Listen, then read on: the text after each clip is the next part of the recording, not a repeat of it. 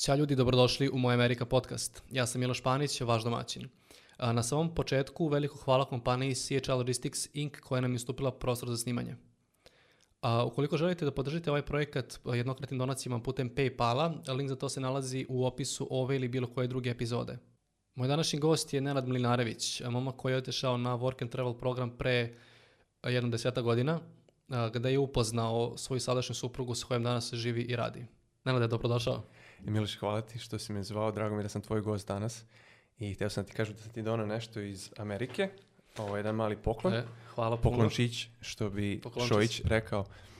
Ovaj, nešto što je popularno u Americi, pa kad, kad već pričamo o Americi da, Aha. da ti donesem nešto. E, baš, je, baš lepa zastavica.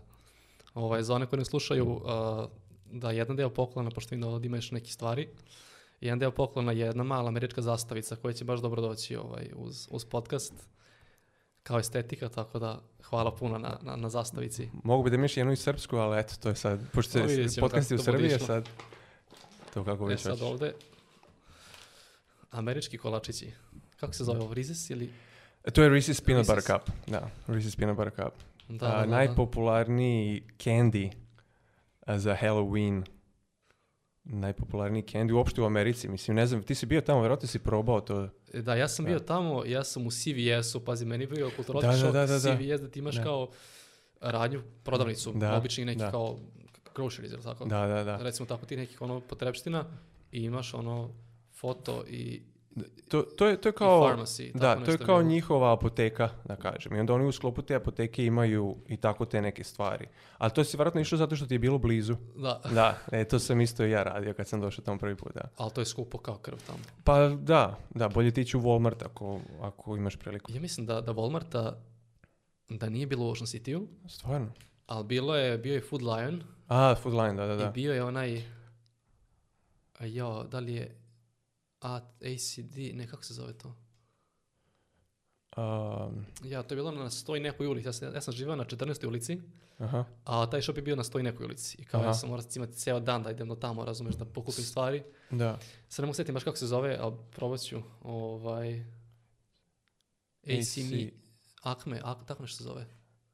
Ne mogu, ne znam stvarno. To baš vam u Maryland, to je baš u Ocean City bilo to isto ono, imaš prodavnicu za sve. Moguće kad bi video da bi, da bi znao o čemu ono, se radi. Kao, da. kao neki Walmart otprilike, znači imaš ono i čokoladice, imaš ono, ne znam, opremu za ovo, imaš suveniri, baš ima svega. Da, a stvar je tome što taj, ta, ta radnja velika, kao što je Food Lion, na primjer, može... ovo je bilo Roses. Roses? Roses.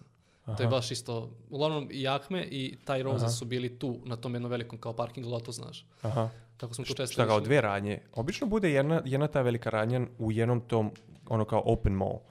Pa on je bio, ne ovaj bukvalno ono što imaš ono highway koji je ono coastal highway se zove, mhm.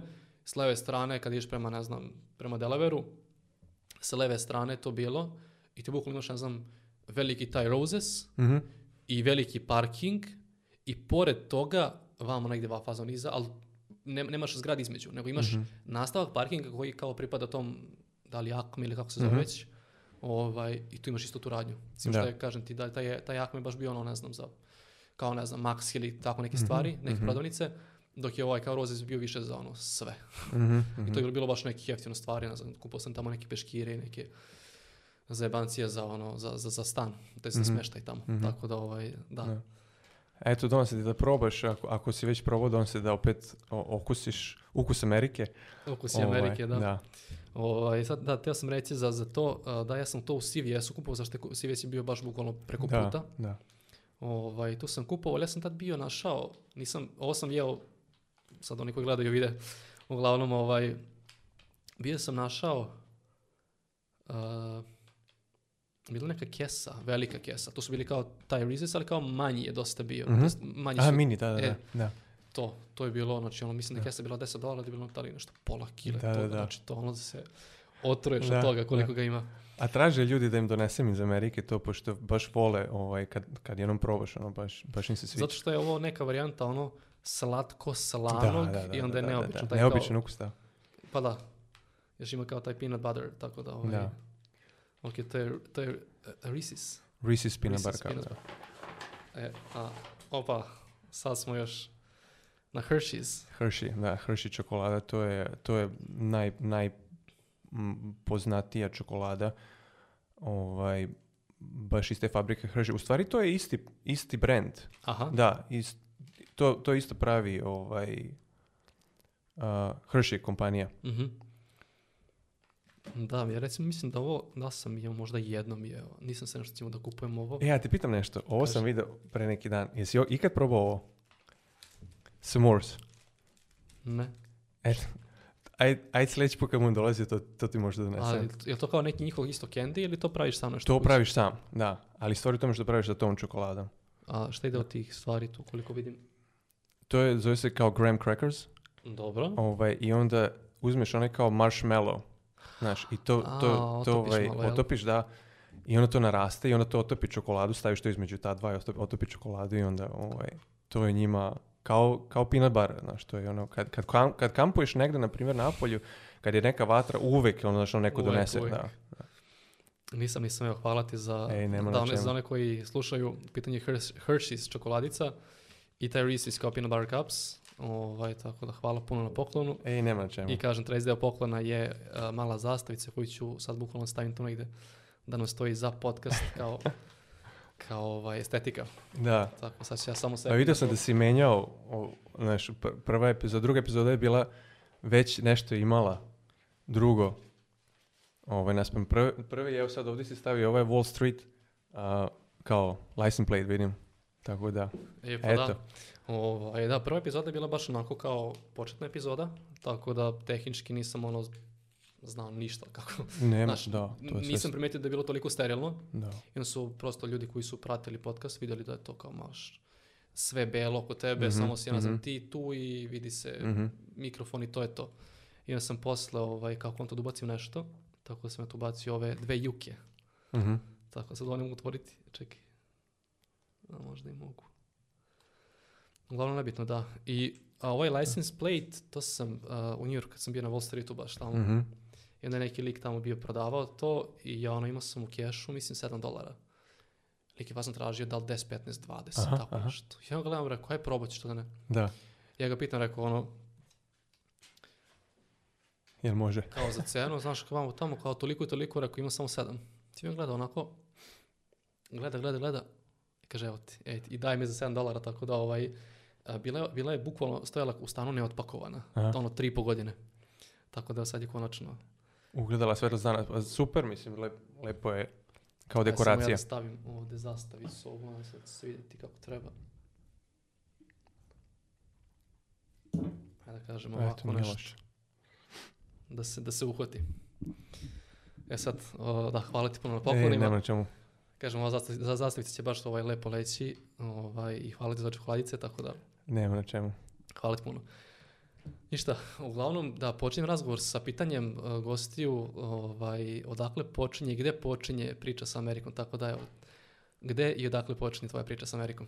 Pa moja priča sa Amerikom počinje nekako spontano u jednoj školi stranih jezika gdje sam ja shvatio da je uopšte napredujem što se tiče engleskog. Moj engleski u stvari bio jako loš, ja sam sa nekih 25 godina shvatio koliko je moj engleski loš i, ovaj, i rekao moram nešto da preduzmem po tom pitanju. Onda sam se u, upisao u, tu školu stranih jezika, ali upisao sam se iz razloga da više radim onaj konverzacijski engleski, da više učim to. I onda ovaj, tako, znaš, tri, sata nedeljno u, u, u, u agenciji, to, mislim, u školi, pardon, ovaj, to nije dovoljno, znaš. I onda se desi moment gde ti zaboraviš da ili ono ne znaš da kažeš reći na engleskom i onda ovaj, pitaš nastavnicu, hej, kako se ovo kaže na engleskom, i onda ti ona kaže i onda, i onda ti kao zapamtiš, međutim zaboraviš odmah posle dva dana. I, ovaj, i onda sam tako ja sebe zamišljao kako bi ja negde da sam sad u inostranstvu, naš i da nema u te nastavnice i da, ovaj, da ja se mogu nekog da pitam kako se ovo kaže na engleskom i onda došla, tako rodila se ideja, u stvari rodila se ideja o odlasku istog razloga da se usavrši engleski jezik i onda sam ja birao između ono kruzera i Dubaje, pošto tad se masovno krenulo u stvari da se ide u, u Dubaji. A nisam htio da idem u Ameriku zato što jako puno ljudi išlo u Ameriku pa sam se bojao da možda neću dobiti vizu. Međutim, drugar me nagovorio da probam, kao nije, ovaj, nije teško pričati u ambasadi, pošto tamo te pitaju neka najosnovnija pitanja šta ćeš raditi, gdje ćeš ići, tamo vamo. I onda kao, ajde, što da ne, bolje mi da idem u Ameriku. Ove, ovaj, tako da, eto, tu se, tu se rodila neka ideja o, o, o odlasku, pa onda o Americi i onda sam ovaj, našu agenciju, aplicirao, dobio vizu. Aplicirao se za šta? Aplicirao sam za J1. Tad sam još uvijek bio na master studijama i onda sam, znaš, posljednja godina na fakultetu rekao ako sad ne odem, neću nikad i ovaj, još plus toga što mi je razlog bio, glavni razlog mi je bio da, da usavršim engleski, jer onda ću probati da odem sam, nisam čak niko, niko ni pitao da li bi neko išao. Ovaj, u stvari kod ti, ti si isto išao sam, jel tako? Da. Da, da. E, pa ali, ja sam, ja, e- ali ja sam bio pitao ljude da li bi išli, mm I uvijek je naš razlog je bio naš, to jest izgovor, ono, kao ili, ili novac, ili ovo, ili ono kao naš tamo neš raditi ništa, tamo da. ćeš na kraju, druže, prijaviš sam, odeš sam. Samo, i... da, da, kad već niko neće Ovaj, a eto, ja nisam, nisam, ni, nisam se ni raspitivo, nego eto, otišao tako, aplicirao i, i, i, i ošao. I ošao. Koja je to bila godina, godina to je bila, znači, to sam, 2011. sam o tome razmišljao, znači, da odem i onda sam krenuo da apliciram, da to bio negde kraj 2011. početak 2012. ali uglavnom... Tad dve... kreću i prijave, mislim da od oktobra kreću prijave za work and travel, tako da... A nisam tad prijavio, mislim da sam malo kasnije. Aha. Da, mislim se sam malo kasnije. Ovaj, ne, sad pravo ti kažem, stvarno ne mogu setim, ali ovaj, davno, je to, davno je to bilo. Ali eto, 2012. sam otišao. I otišao si, gde, gde si imao ovaj posao? To jest, koji tvoj bio posao već sređeno napred?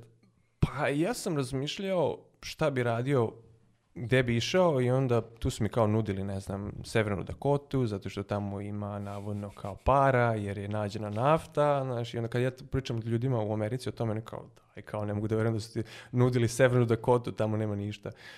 Ovaj, a druga opcija je bila Washington, jer sam razmišljao o tome da budem spasilac. I ovaj, nekako sam osjećao da ću tu biti u najvećem kontaktu sa ljudima, jer to mi je bio razlog naš, da, da budem u kontaktu s ljudima da bi usavršio engleski. I eto tu sam se baš prijavio i u Washington, odnosno oko, oko Washingtona. Virginia je bilo u pitanju. Ti si prijavio i dobio si vizu te ista godina, tako kad si bio prijavio? Da, dobio sam vizu i otišao sam negde u maju, kraj maja je bio. Išao si, gde, išao, gde ti bio let? A, pa ja sam leteo preko Varšave, tu mi je bila konekcija i onda sam iz Varšave leteo uh, u New York, u, odnosno York. Aha. York aerodrom. Znači mhm. nisi letao na JFK? Nisam letao na JFK, ne znam ja zašto, prvo kažem, ali znam da je bila priča da nismo mogli da idemo na Dallas, onaj aerodrom u Virginiji, uh, jer tu smo u stvari trebali da idemo, a nešto je bila priča kao ako si stario 26, ja mislim da tad imao 26 godina, 27, 27 godina, 27 godina sam tad napunio ovaj, taman te godine i, i kao ako si stario 26 godina nešto, tipa više plaćeš kartu za Dallas. To su mi rekli ovi u agenciji. Ja rekao, ono, ajde, dobro, nema veze. Aj, letit u New York, rekao, ako slučajno se desi da hoću da putujem, od lakše mi je da, da letim iz New Yorka, tamo bi u stvari hteo da vidim New York, rekao, ajde, da, letit ću tamo. Tako da smo, ovaj, leteli smo u, u New York. Znači, sletiš u New York, situacija u New Yorku, desi kad si letao, šta si radio to prvi put i to? Gde si? Jesi išao negde ovako malo da razgledaš neke stvari dok si već bio tu u Njujorku ili si išao? Ma kakvi, odmah, odmah traži put do, do, do ovaj, kako taj put izgledao? Pa izgledao je mm, katastrofa. što što je bilo? Stvari u tome što mi nismo uopšte znali gdje da idemo, znaš, i mi onda ovaj, tražimo tako mm, autobusku stanicu, voz, da, pa nas šalju. Koji, si išao sam ili si išao s Išao sam sad nek, dva mopka koje su išli oni su išli, preko iste agencije mhm. i ovaj, onda smo tako mi, ono što ono, nemaš pojma gde si. Izađeš iz, mi smo išli iz, znači sledili smo u Newark i onda smo išli metrom do Penn State, mislim da bio Penn State u pitanju, kod Madison Square Garden. Mm-hmm. I ono izlaziš napolje i ono vidiš Manhattan ja gledam, rekao, gde sam došao, bog te mazo, znaš. Ono koji iz filma E, bukvalno, bukvalno koji iz filma, znaš. Što, ono, e, ovu zgradu sam vidio na filmu, da. I onda ono, ne, jednostavno, neka euforija, ne znam nije šta, znaš, ali, ali nemaš vremena, znaš, ono da razmišljaš o tome, nego ajde idemo, idemo do, do Va i tu smo tražili prevoz do Washingtona i to, smo, to je trajalo, jako, jako dugo. Slali su nas sa jedne stanice na drugu i onda... A stvar je tome što u New Yorku, ne znam, ti si, ti si vjerojatno bio. pa, da. Tamo meni nekako, svaki put kad odem tamo, meni, meni je preterano. Jako, jako, mi je dobar grad. Toliko kultura, toliko ljudi da... I niko, uopšte niko ne ferma nikog, znaš. I, i mi smo u stvari, mi nismo tu ni pitali nikoga za, za, za da nam pomogne, nego smo išli tako od, od stanice do stanice pa su nas slali i onda smo na kraju našli kao neku autobusku stanicu i treba da kupimo kartu i to je sve preko onog aparata i neka djevojka tu stoji pored nas i kao, momci, jel vama treba pomoć? Znaš, ono mi je kao rekao, ja, da, kao, može, on kao, da, nema problema, znaš. Otprilike, samo pitaj, znaš. Da, da, To je meni stravata, ovaj, u tako tim metropolama, pogotovo na istočnoj obali. Pa kažu za New York, kao, znaš, tamo su ljudi ono nadrdani to, znaš, kao, druže, jesu, ako im, znaš, ne mogu da shvate da ti ne možeš da ideš, ne znam, petom avenijom, da. I da samo staneš, da, naš, da, svežeš da, da, se na stranu, da se skrijeti, kao, znaš, ljudi pršnjavaju tamo na to, je e, dosta jako, dosta, jako je brz grad. I sve da. jako brzo ljudi imaju ono da stiru na posao, da stiru na neke druge destinacije, i ono što ti hodaš tamo ono, sporo, pored, znači ono, na, sred onoga trotoara da ti ne znam, vežeš pertlu, druže, pomeri se na stranu, u gradu se ljudi svi jurcaju, sad stignu naš. Da. To, da, to, njih zove ono, I'm cat from New York. Znaš, pa ja vremena, znaš, ono, ja dođem i kupim ne, ne, znaš, neki proizvod od tebe. Ne, ne, ne, ne, to hoću da kupim, ne moraš ti mene da ubeđuješ, znaš, ono, vremena da ti to meni prezentuješ, znaš, ajmo. Da, teraj, sad sam, bio, sad sam baš bio gledao ovaj jedan klip, Kaže, kako, viješ, kako znaš da, da li je neko iz Yorka? Sad, znaš, neka žena tu nešto ovaj, stoji na nekoj raskrsnici i sad prolaze ljudi i počne da urla nešto nebitno. I onaj ko se okrenuo da pogleda nju, znači on nije iz Njujorka. Kao ljudi da. koji su odatle kao družu teraj svoje, kao šta da, me zanima, da, ko vrišti, ne interes, idem dalje, znaš. Strava ovaj Tako da, da. I eto, onda smo, da, ovaj, tu smo šetali po Njurku, ne znam nije koliko sati, na kraju našli taj autobus i onda autobusom polako za Washington. Koliko je bila karta onda za, za Washington? Stvarno, ne, ne sjećam se. Koliko sad možda, možda košta karta za, za bus, ono? To je, to je puto 6 sati ili tako, 6-7 sati ili više? Pa, to kolima otprilike se dođe za nekih 5 sati otprilike sa stajanjem metar, da recimo da je bilo 6 sati autobusu. Ne sjećam se stvarno koliko je karta, ne znam ni sad. mislim, možda se tad jedini put vozio autobusom. Jel da? Da. Pa lepo. Pa sad sve kolima. da, sad sve kolima, da. Znači, tižete u Virginiju, ili tako? Ili... Mi smo stigli u Washington, Washington DC, da, mi smo stigli u Washington DC, onda smo iz DC-a taksijem otišli u hotel. ta, taj hotel nam je pisao baš ugovor kao gde treba da ocrnemo, tu ćemo kao spavati i onda će nas oni rasporediti gdje već treba da idemo da radimo. I dolaziš u hotel, u hotelu nastaje pakao, ali tako? Dolazim u hotel, u hotelu još i nije bio pakao, nego je tek to kasnije, u hotelu mi je ono otprilike bilo, a, e, stigo sam. I ovaj, tad sam se baš javio mojima, E da, to sam borio da, da navedem, ovaj, pokušao sam da, ih nazovem sa govornice iz Njorka i nisam znao kako da okrenem broj i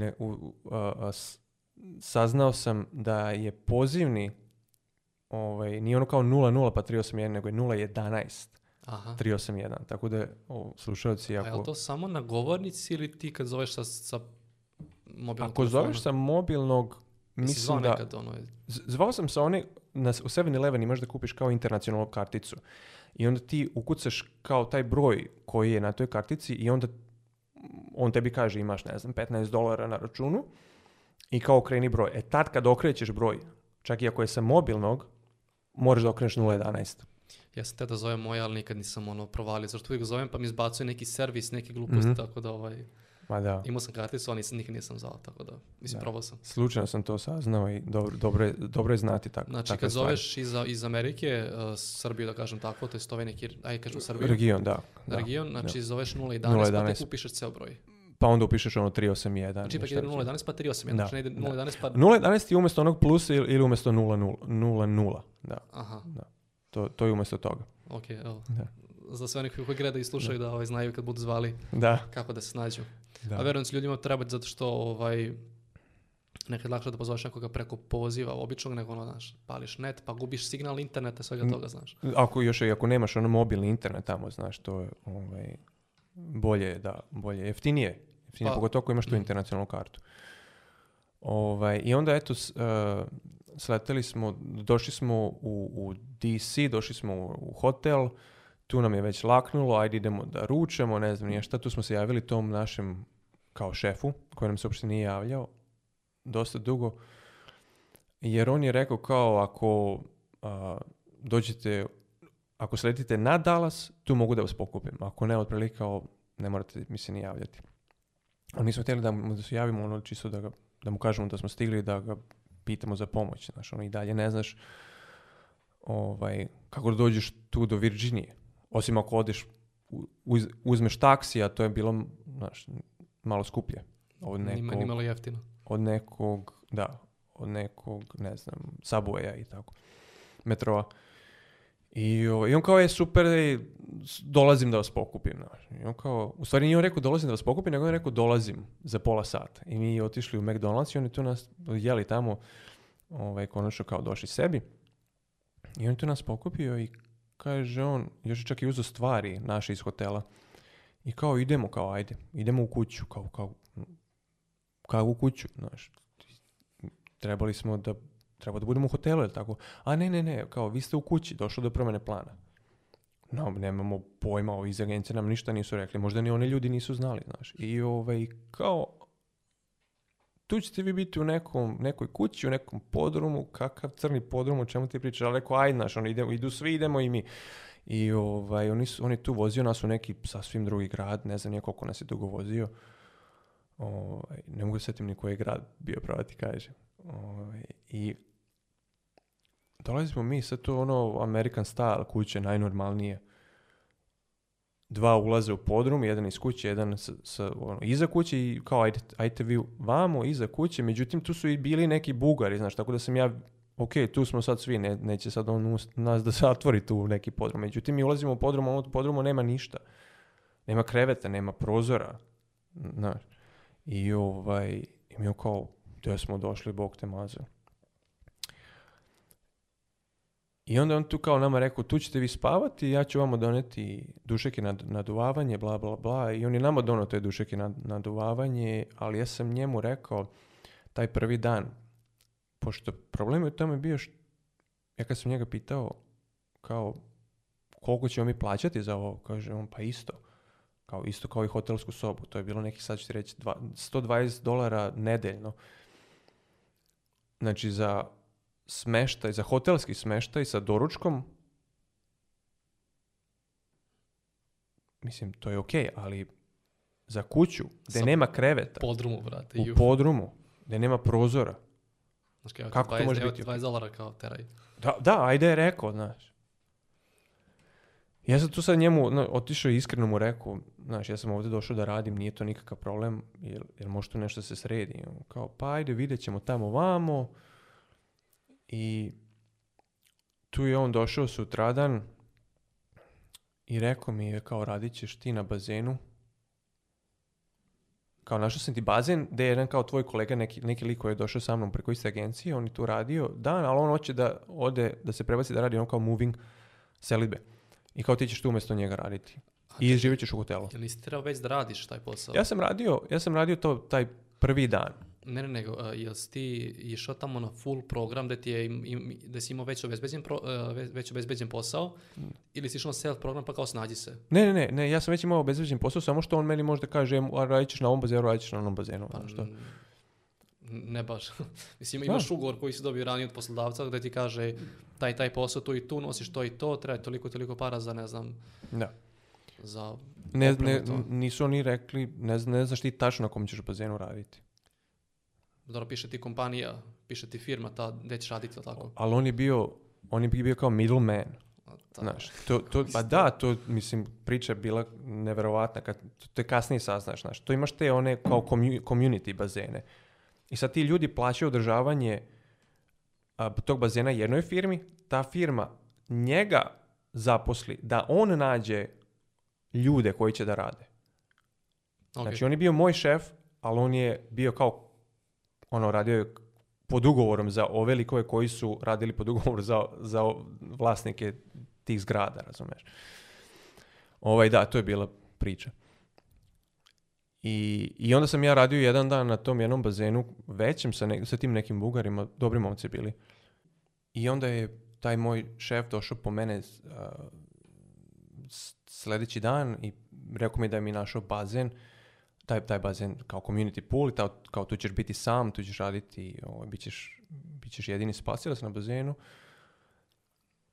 I je li to ok? Kao živit ćeš u hotelu. Je li to ok? Ja rekao ok. Mislim sve je bolje nego podrum.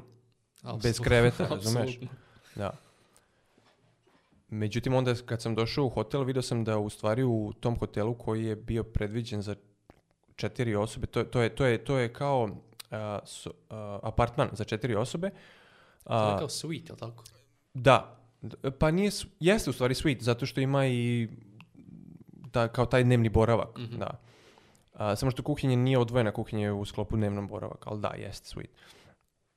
I pošto je malo kasnije došao po mene, ovaj, kasno smo dosta došli u hotel, već su svi spavali i tu je nek, znači, bile su oko dve prostorije i pa u jednoj prostoriji su spavali ti, ti moji poznanici iz te agencije, u drugoj sobi je spavao neki Rus. I ja rekao, neću sad, ono, ono dolazim tu, da, da banem, i onda sam ja odlučio da legnem tu ovaj, u taj dnevni boravak i tu sam zaspao i odjednom u dva, tri sata ujutro do, do neko kuca na vrata i ja otvaram ono neki Rusi jedva se sporazumevaju na engleskom, mislim i moj engleski isto ništa posebno, i oni ovaj, kao nešto tu meni govore. Ja rekao, ne, kao ova soba je popunjena. Kao, ne, ne, ne, kao evo ključ, imamo ključ od sobe tamo, vamo.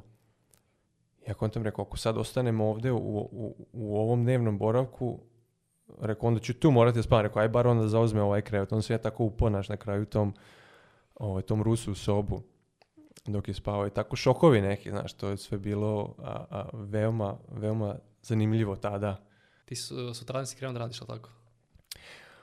da, mislim da sam odmah sutradan krenuo da radim na tom bazenu. Čak sam i kasnije zbog tog mog šefa. Ovaj, pošto on moraju mene da, da pokupi u hotelu i da me odveze na taj bazen, a on u međuvremenu na primjer, razvozi te što rade moving. Mhm. Ali bi nisi imao neki autobus tamo ili da kupiš bajs pa da voziš bajs to? morao bi da idem na autoput. Jako je dugačko. Znači, pola sata je bilo vožnje E, kolima, 25 minuta. Mm. On je na kraju meni dao da vozim auto, jer ja sam imao ovaj, ma da, šokovi, ja sam imao ovu internacionalnu dozvolu, ali bitno je da imaš, da poneseš i tvoju dozvolu. To je isto korisno da, da, da slušalci znaju da možeš čak i sa tvojom dozvolom da, da voziš tamo neki prva tri mjeseca ili tako nešto dok ne mhm. položiš. Znači, moraš imati neki status, moraš, im, imati neku vizu, znaš, ali kao moguće je voziti. Sad, da li se zakon promenio, ne znam, tako je bilo kad sam ja tamo. ali eto, na kraju mi je dao da vozim kola. Sad da zaustavim na toj priči. Mm -hmm. gošća je pričala, pošto ona trenutno vozi kamion, ovaj, kaže kad su došli ona i muž tamo, te suprugen, Aha. u Texas, ovamo tamo i sad treba da, da položi za auto. Aha. ti ono, imaš svoj auto, imaš tu internacionalnu dozvolu, ti tim autom ideš na polaganje, Aha. ako ne položiš istim autom se vratiš, vratiš kući, Da kao važi tih nekih, mislim da, da. isto rekla tri mjeseca, znaš, tako da. To kao, ono kao, ideš da polažeš za auto, ali već ga voziš, tehnički naš, kao, haos. Da, interesantno. Dolaziš na bazen? Da, dolazim na bazen i to je bio, sad ću ti slagati, možda neki 27. maj i to je bio nekao Memorial Day weekend. mm E, znači, Memorial Day je ponedeljkom a, u maju, neki ponedeljak u maju, da li posljednji. I to je kao Memorial Day weekend kad se bazeni otvaraju. To je tolika bila guža da ja nisam mogu da verujem. To je toliko puno ljudi bilo, ali to je mali bazen. Mhm. Baš jako mali. Sad da ti kažem, ne znam površinu, ali tipa nekih 10 sa 30 metara otprilike, mm-hmm. znaš, ništa posebno. Pa to je okej. Okay. Da. I ovaj, to je bila tolika guža da ja sam mislio da ću otpasti tamo naš na tom poslu. Mislim, otpasti tamo sediš i, ništa ne radiš, ali opet na suncu čitav dan, umori se, umori čovjek. I ovaj... da bi na kraju, shvatio da sljedeći dan uopšte niko nije ni došao na bazen, možda dvoje, dve osobe. Ja rekao, šta je ovo, Bog te mazi. onda su mi rekli, te komšije što tu, što tu žive, kao, ovaj, takav je bazen inače. Znaš, pošto to je mal, mali taj deo, mhm. znaš, to je taj mali community bazen, ljudi, ljudi mogu da idu na neke druge veće bazene, pa kao ne dolaze vam, rekao, aj, dobro. A kao bio, bio memorial, memorial day, tako da ono, svi da. na žurku. Pa da, zato što njima je to ono, znaš, otvaranje bazena, lepo vreme dolazi, Ajmo Ti to radio koji vremenski period?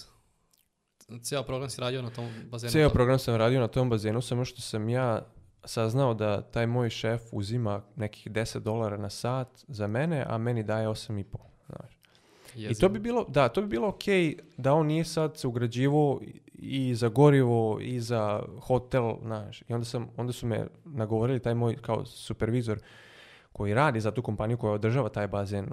Kaže, mi smo stvarno zadovoljni s tobom, daj mu otkaz i dođi samo da radiš za nas, znaš, ono, ne, nećeš ti nigde, nigde ići, od, bit ćeš na istom radnom mjestu, ali daćemo ti više para.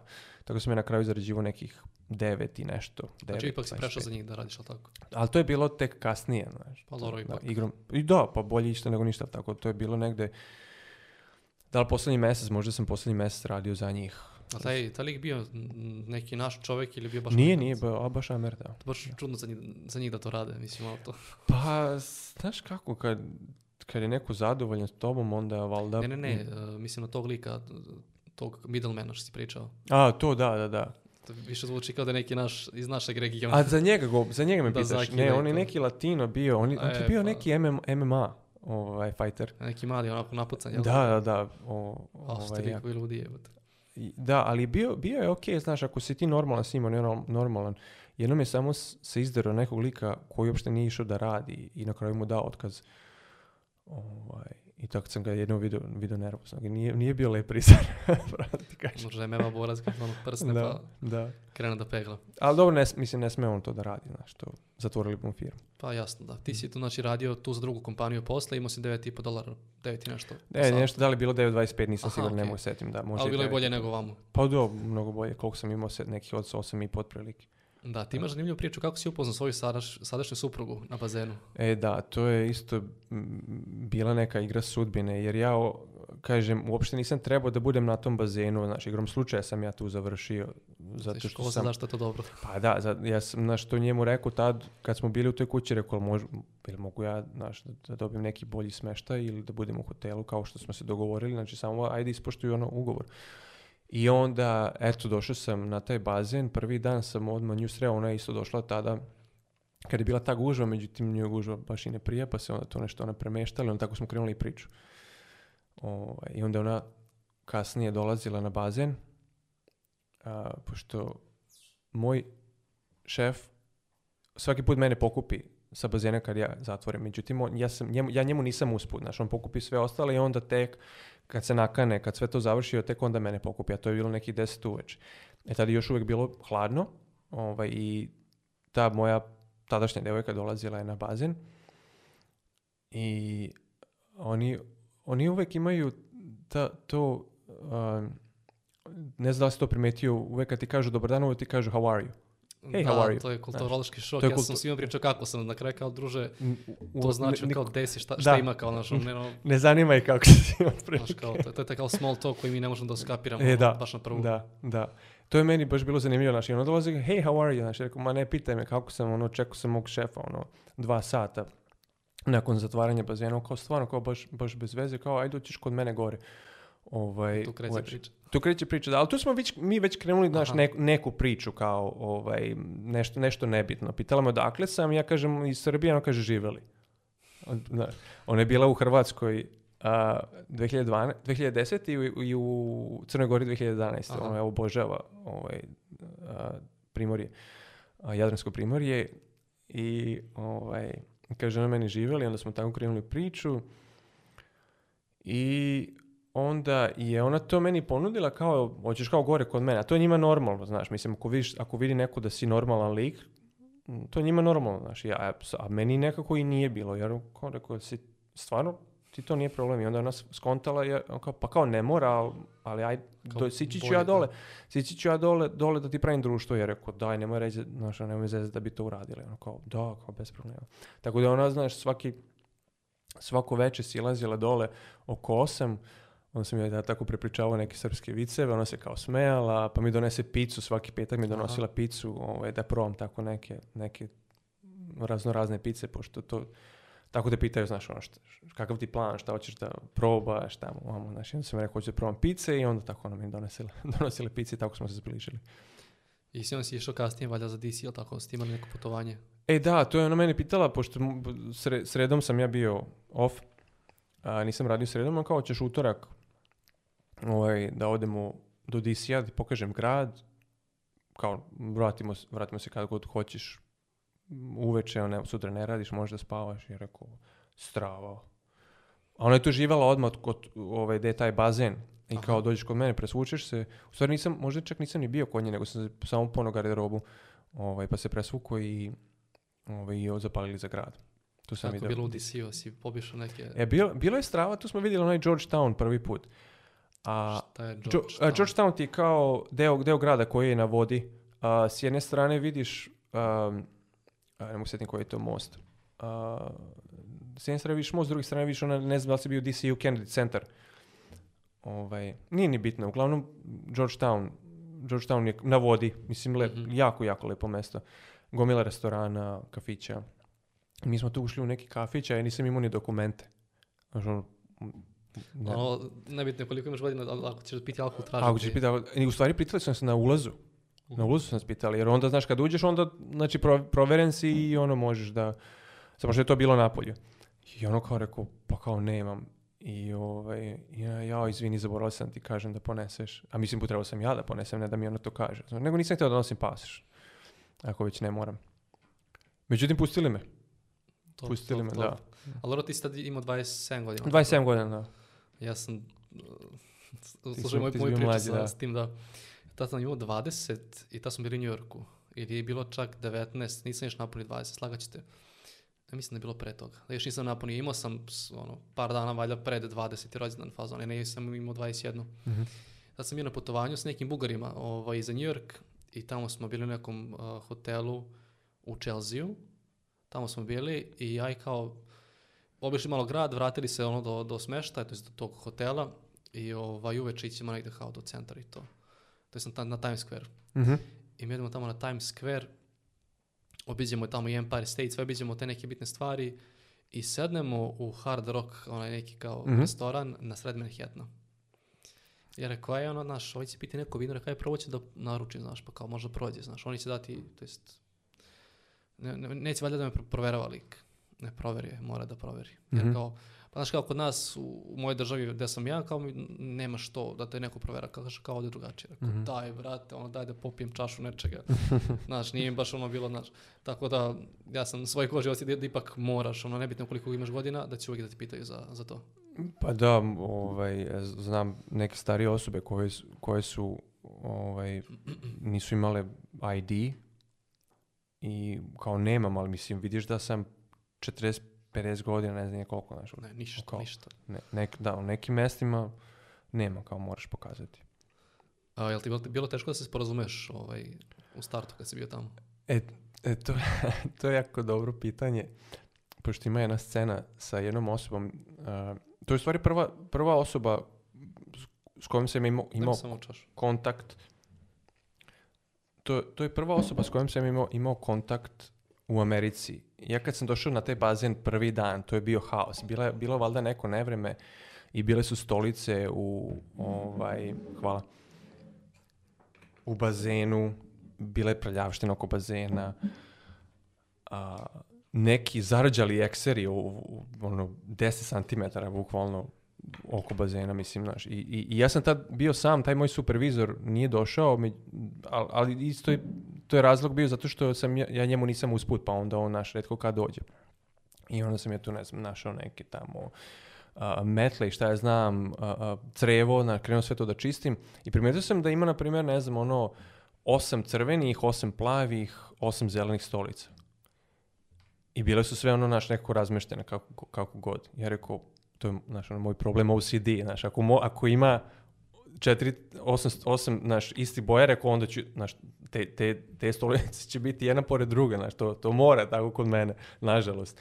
Mislim, nažalost. I, ovaj, i onda se tako poređuje, znaš, ono po boji sve to počisti, bazen izgledao lepo, ali to, mislim, ne, ne iz nekog mog ugla, nego iz njihovog, znaš, jer ja sam hteo njima da, tim ljudima koji dolaze da se odmore, da, da im to, kako da kažemo, obezbedim taj komfor.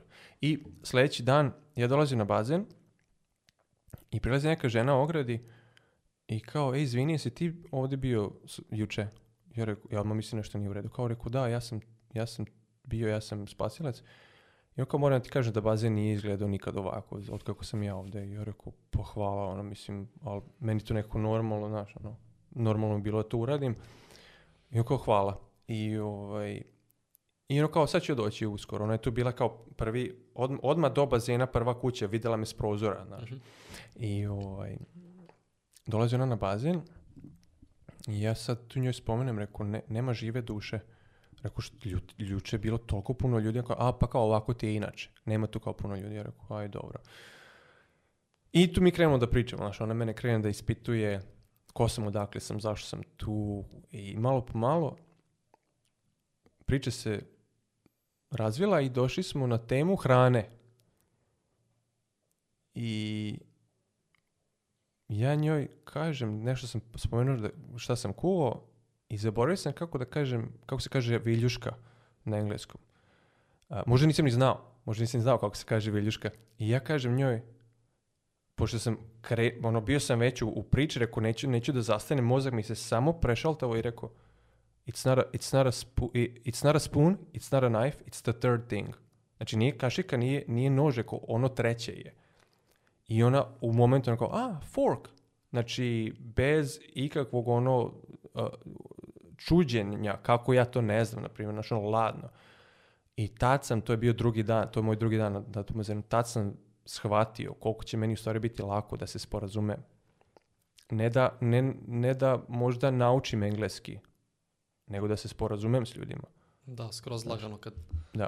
kad to. I tad mi se da mi se neka lampica upala u glavi, samo, samo sam krenuo da pričam, znači ako ne znam da kažem voda, it's liquid and you know when I drink it, da, you da. know I don't feel, I'm not thirsty anymore, znaš.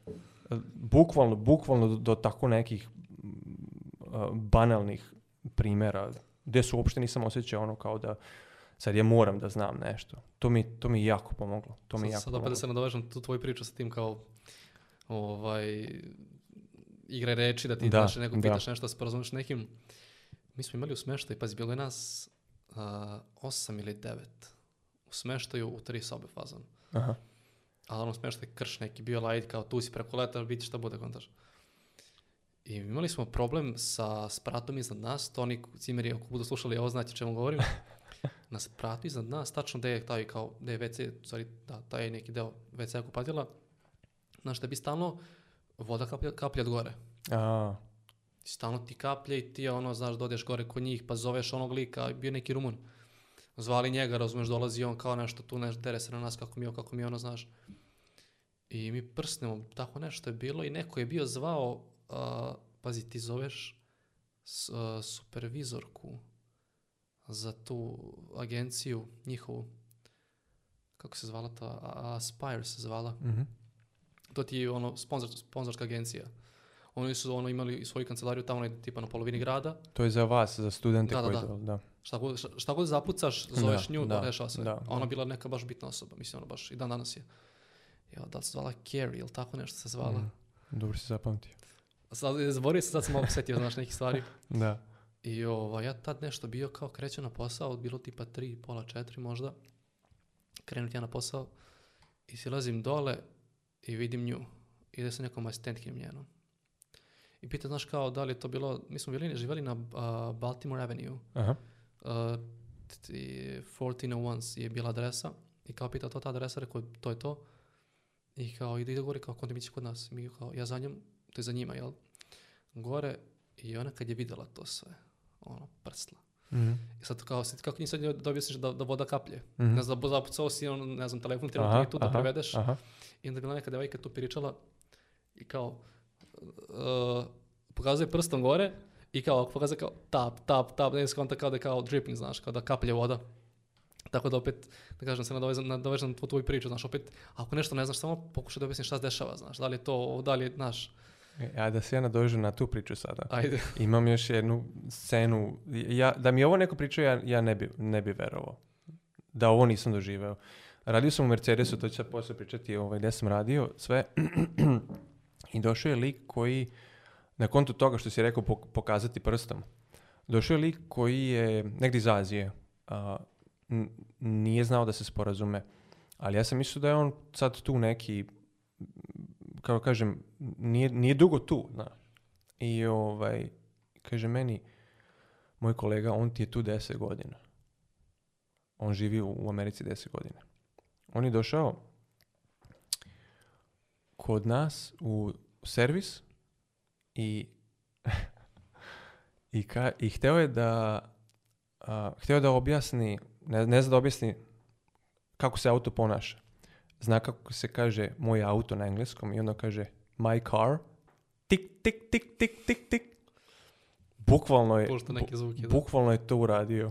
Ja nisam mogao da verujem te da tehnički pregled, znaš, i onda ovako pokazuje na kao stiker, znaš, mhm. kao, ovako pokaže prstom. I ja sam baš tu tad s njim radio i rekao, aha, treba vam state inspection, to se tako mhm. tamo, tamo zove. Ja zapišem, rekao, vam treba još nešto. On se gleda u mene i smeje se i oko pokaže na ovu kao čekovnicu. Ja rekao, ne razumeš ništa šta ti govorim. Mislim, ne razumete ništa šta vam mhm. govorim, kao. I on se i dalje smeje i, i kao ja, kao ja tamo, znaš. Da, čekaj se tamo, da. Rekao, aj, važi. Ok, aj se vratimo na glavni deo priče. Ajde. Ovaj, posle programa ti si eh, se vratio za Srbiju, ali tako? Da diplomiraš? Da, da, ja sam ovaj, znači, radio do ne, ne znam, to je bio početak septembra. E da, tu se, tad, tad se za, bazeni zatvora, to je kao onaj Labor Day. Mislim je to mm, zadnji da, da, dan na bazenu. Prvi maj, mm. kod nas. E da, tako je, da, da, to je prvi maj kod nas. I ovaj, tad se bazen zatvorio, međutim, oni su konačno bili zadovoljni sa mnom kako sam ja radio, pa sam njih pitao da li mogu da ostanem još uvijek da radim za njih, da zatvaram bazene, kao pripremaš za sezonu. I onda su oni tako mene, znaš, pokupe ujutro, pa onda mi tako običamo par bazena, zatvorimo to i tako, eto, još malo para sam dobio.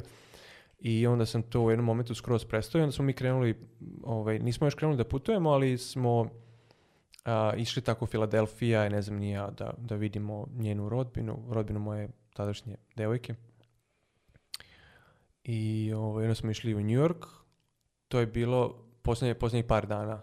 I onda sam se vratio ovaj, u Srbiju negdje kraj oktobra.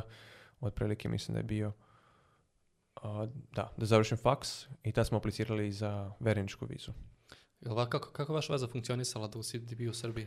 Pa ona je u stvari mogla da si priušti put vamo, svak, svak, je, uh, to je bilo svaka dva mjeseca, da. Mhm. Ja, je, jednom u dva mjeseca bi došla ona ovdje.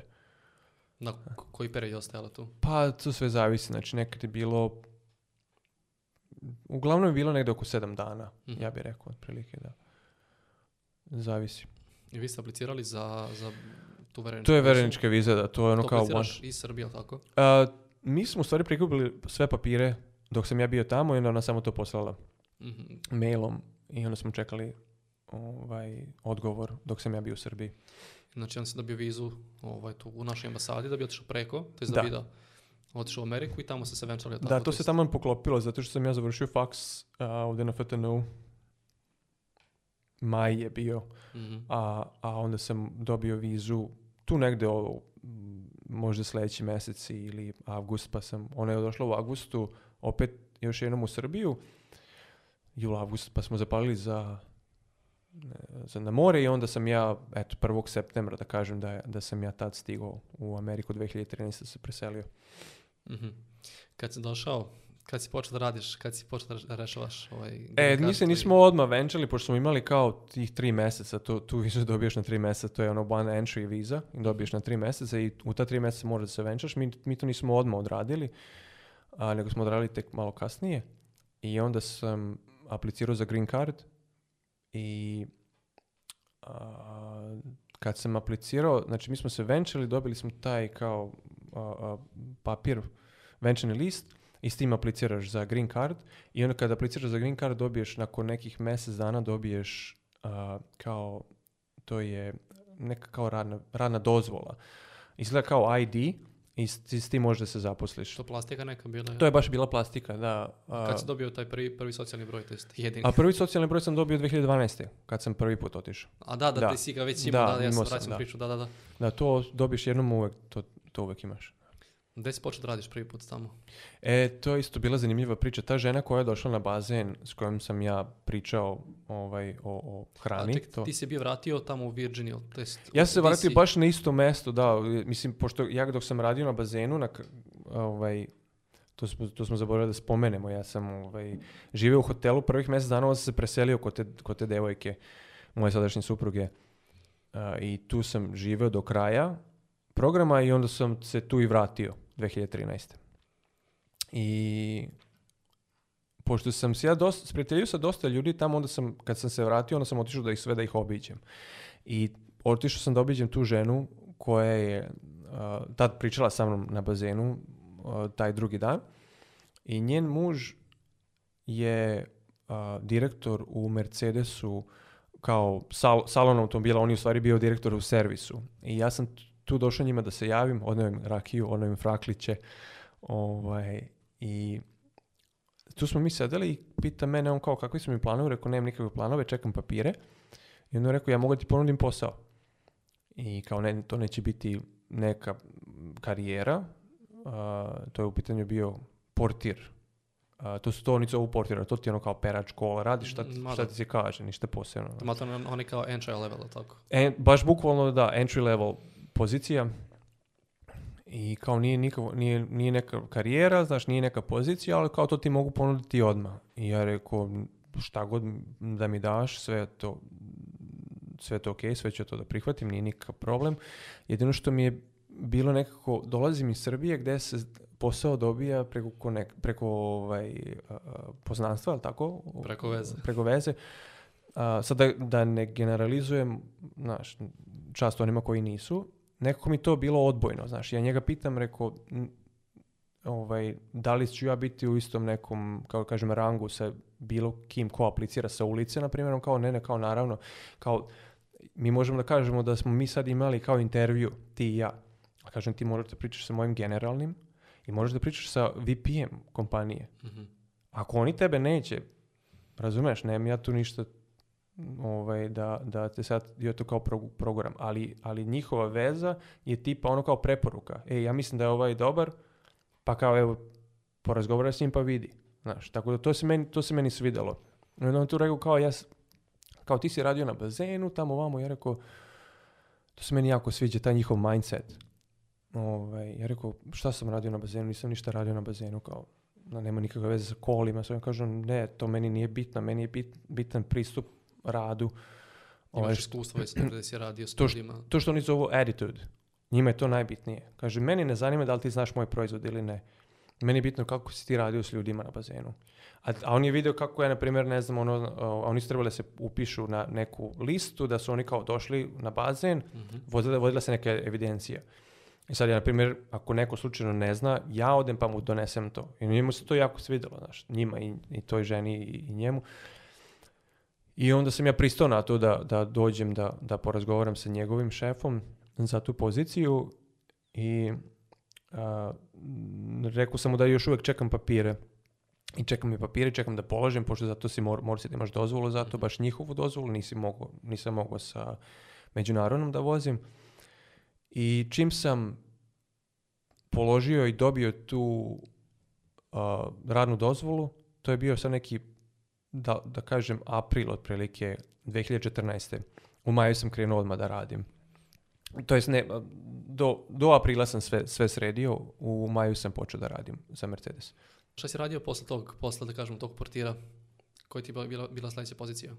A, pa da, posle tog portira sam radio kao ono customer service. U stvari ta pozicija je bila service concierge, jer to je došlo iz korporacije kao nalog da se, da se otvori neka pozicija koja bi bila middleman između, bila bi spona između servisa i, i mušterija, odnosno, odnosno servisnih zapisničara i mušterija. I tako su oni to nazvali. Znači, oni, oni veoma, oni obraćaju pažnju na to kako se nešto zove, znaš, da bi, da bi podigli moral toj osobi koja to radi. to mi se isto sviđa. Ovaj to, a konsijerž, ali ne znam da znaš šta je konsijerž. Što da, su oni, da, da konsijerž, što su ti oni u hotelu, oni obično stoje negde sa strane i to ti je čovjek koji, kod koga ideš da ti, da ti kaže koji je dobar restoran, kako da dođeš tamo, gde, gde je taksi stajalište, nebitno. Oni, znaš, ono, oni to zovu go-to person. Znaš, ono, ti se čekiraš u hotel i ono kao, imamo tamo konsijerž, jedno seri, znaš, pite ga šta god hoćeš, šta god te zanima. To kod nas u hotelu gde sam radio, ovaj, hotel se zvao Monte Carlo boardwalk. Mm-hmm. Aha. To tamo nije bilo. A nije bilo tamo? Evo, sam baš pripučen za to. Pa nije, znači nije bio neki ovako čovjek koji je znao, ili, ili to je recepcija, onaj što radi na recepciji ti kaže? Niko da ja znam da je tamo radio Aha. to, naš. Uglavnom ti vjerojatno da si pitao neko na recepciji, ej, gdje mogu da jedem super hrana, rekao bi ti, ne znam, idi tu i tu. Ali Aha. sada neko baš ima poziciju da ti govori, Aha da te, da te savjetuju, da, da te odgovaram na tvoje pitanja, znaš, gde mogu naći, ovdje mogu naći ono, toga nije bilo. Mm, interesantno, ja sam vidio to u Yorku, na primjer, da ima tih ljudi. Pa čak i u Yorku nisam vidio to. Stvarno? Možda je bio, da kažem ti, ta lik na, recepciji, ali ovaj, sada znam. mm Do, pa dobro. Ove, ovaj, da, uglavnom to, to je taj lik kao go to person, mhm. tako, su, tako su oni zvali. Go to person. Da, go to person a, kao ti, ako ti nešto treba, idi kod njega. Sve znam. A stvar je u tome što ja kad sam se zaposlio tamo prvi put, ja sam znao da ova pozicija nije ništa posebno. Znaš, ono, pere škola, mislim, čast ljudima koji sve to rade, ni, nikak, znaš, ovaj, ništa, ništa sporno o tome da ja sad nekog važavam ili šta ja znam. Ovaj, nego jednostavno znao sam i da ja nisam za tu poziciju, ali sam prihvatio zato što moj engleski je stvarno bio loš. I ja sam morao da da budem u kontaktu s ljudima konstantno, jer ti kad si kući ne pričaš, ti engleski zaboravljaš, bar u mom slučaju. Ne, ne da, da stagniraš, nego zaboravljam engleski. I onda sam se prihvatio sam taj posao odmah čim je on to meni rekao i tu sam krenuo da radim i onda sam im na intervju rekao ja ne vidim sebe ovdje, ja ovo neću da radim, ja hoću da napredujem. I onda to se njima jako svidalo jer oni kažu on kao mi a, promovišemo iznutra kao we promote within. mm I to je njima isto bilo jako bitno, isto tak, taj attitude. Ovaj, grabi, grabi. I e, kad se ta pozicija otvorila, ja sam odmah pitao da li ja to mogu da, da, da mogu da budem, da li mogu da dobijem, kako kažem, nisam pitao da mi daju posao, nego da li mogu da odem na intervju, znaš. Ovaj, I onda su rekli, može, ti si ono kao dobar s ljudima, tamo vamo, kao dogovorit ćemo se. Ja sam tu poziciju portira radio neki godinu i četiri mjeseca otprilike. I tu među vremenu smo mi pričali o toj poziciji, taj service concierge. I onda sam je otišao kod mog direkt kod mog generalnog na razgovor i on kao mene pita jesi, jesi kao spreman, kao vidim da engleski malo bolji tamo vamo, kao si spreman Rekao, jesam, kako nisam spreman. Ja izlazim iz kancelarije, rekao, da sam spreman. Znači, ono, rekao, ajde, znaš, ono, kako kažem, baci se u vatru pa vidi da li možeš da, znaš, ono, da ćeš izgoreti ili nećeš, znaš, na tebi je.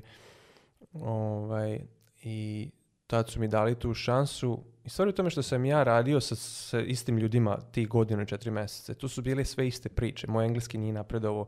U, u, u jednom momentu prestao da napreduje. Jer ako treba mi nešto novo, treba mi novi izazov. I taj novi izazov je u stvari bilo rad sa klijentima. I to je ono bilo uncomfortable uh, u početku. Veoma, veoma, uh, uh, uh kao kažem, kao, kao sad ovaj podcast, mislim, ovo je otprilike ono vruće stolice, znaš, ono ja, da, ovaj, ne mogu ne zamislim kako izgledam na, na, na, na videu. ali dobro, to je ono, znaš, to, to je način na koji napreduješ. Znaš, pa, be comfortable to be uncomfortable i onda tako ćeš napredovati. I tako sam ja imao tu neku, to je neki bio moj pristup radu i, i, odnosno mindset. I to su mi dali da radim i onda sam tu isto napredovao, tu sam od, od tog servisnog koncijeraža počeo da budem kao product konsjerž koji je osoba koja zna dosta o proizvodu. To su oni meni slali, Mercedes-Benz na primjer ima akademiju u New mm-hmm. Jerseyu, tada je bila u New Jerseyu i tu su mene slali dva, tri puta na neku obuku i to je dobro jako, kako oni, kad oni tebi daju tu obuku, oni tebi plate na primjer put, platiti smešte, platiti hranu. A takođe ti plate kao da si radio. Znači oni tebe mhm. ne šalju vikendom, oni tebe šalju ranim danima. Ja sam tamo, na primjer, bio, lupam sad ću reći, četvrtak i petak. Oni meni plate četvrtak i petak kao da sam radio. Znači, jer oni, to njima investicija. oni ulažu u tebe. Investiraju tebe da, ono da. da bi ti ja sam prvi uh, portir koji je ikad bio na toj, na toj, uh, na toj akademiji jer tamo ti obično idu ljudi koji rade prodaju. Mhm. Pa kao, znaš, naučiš kako raditi sa klijentima, kako klijente uče, pa učiš i o proizvodu, jel tako? Pogotovo tim novim proizvodima i, i novim funkcijama u, u automobilima. I onda kad, je, kad smo mi sedeli tamo u toj uh,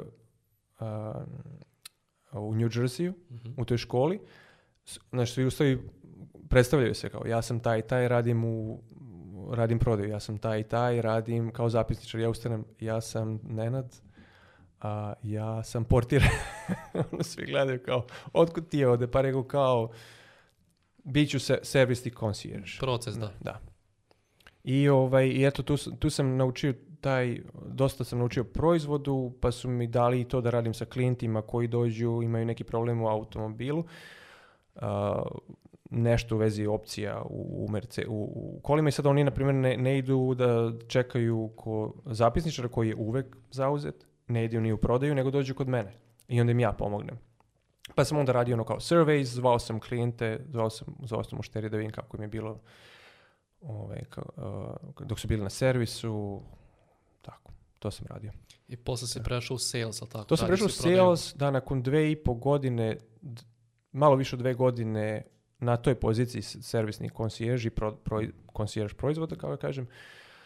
Um, opet sam im rekao, mislim da je vreme da sad ja opet razmišljam o, nekoj budućnosti, šta bi to bilo, kako bi, na kakvoj bi poziciji mogao da budem, ali su oni meni ponudili, ponudili prodaju, što je u stvari i logično, znaš, kao šta, šta ćeš drugo nego prodaju, nećeš ti ići tamo da sad budeš neko menadžer. Ovaj, Međutim, ja nisam bio zato, zato što vlada jedan veoma veliki stereotip što se tiče prodavaca automobila, da će te zeznu, da će te prevare, da svi lažu. Ja nisam htio da budem u toj grupi, međutim, kad su oni meni to ponudili, ja on razmišljam, rekao, što da ne, ako mogu da budem u toj grupi ljudi, a da, a da radim na neki svoj način, bar da probam, što da ne. Tako da sam prihvatio taj posao. U Mercedesu. I ti nisi bio prodi dugo, tako E, u prodaju u Mercedesu nisam bio dugo, desio se jedan incident koji se meni uopšte nije video. Znači, oni su mene stvarno, vršili su pressing na mene da se, da se samo proda. Znači, ništa, ništa nije bitno. Nije bitno to što sam ja pričao sa jednim likom pola sata i na kraju otišao s njim da igram tenis. Znači, to se zaista desilo. Ja sam pričao s likom koji je došao na, da kupi auto i mi smo krenuli da pričamo o tenisu i on je mene zvao da igramo tenis taj vikend to, to je ono relationship building, building relationship, right? Jel da? Ovaj, I to njima nije bilo bitno. Njima je bilo bitno samo da se proda auto. Ok, to mislim, sve to stoji, znaš, mora da se proda. Ali neke stvari vode ka prodaji, jel tako? I ovaj, kao ne, ne, ti moraš kao da budeš, moraš da pitaš ljude, moraš da vršiš ono presiju na, njima da, da kupe auto odmah sada. To su ti cifre velike, 80, 100, 120 hiljada dolara. I desilo se incident gdje je jedan čovjek došao da kupi auto i ja njemu pitam i pitam, rekao, hoćeš da kupiš auto, ajde da kupiš auto, ajde da kupiš auto. Pet puta, bukvalno. I već, je, mu je postalo neprijatno i onda sam otišao kod mog menadžera, pošto uvijek moraš da kod menadžera, to je isto bitno pre nego što bilo ko ode, moraš da odeš da mu kažeš, e, ovaj neće da kupi, ja odem kod menadžera i kažem mu, e, rekao, uradio sam ono što si hteo, pitao sam ga da kupi auto nekoliko puta i evo sad je postao već već je ljuti i nekako, znaš, ne osjeća se dobro. I meni moj menadžer na to kao, good. Šta je tu good Dva prsta, kao dva palce, kao good. I tad sam vidio da ja tu neću uspjeti. Znači ja sam bio preko četiri godine u servisu, znači isti dealer, ista firma, četiri godine u servisu, nisam mogu tri mjeseca ovdje da izdržim. Znači što je, e, e, ne mogu kažem da je samo problem u menadžmentu, verovatno je bio problem u meni. Znači, treba čovjek gledati i iznutra, tako ka sebi.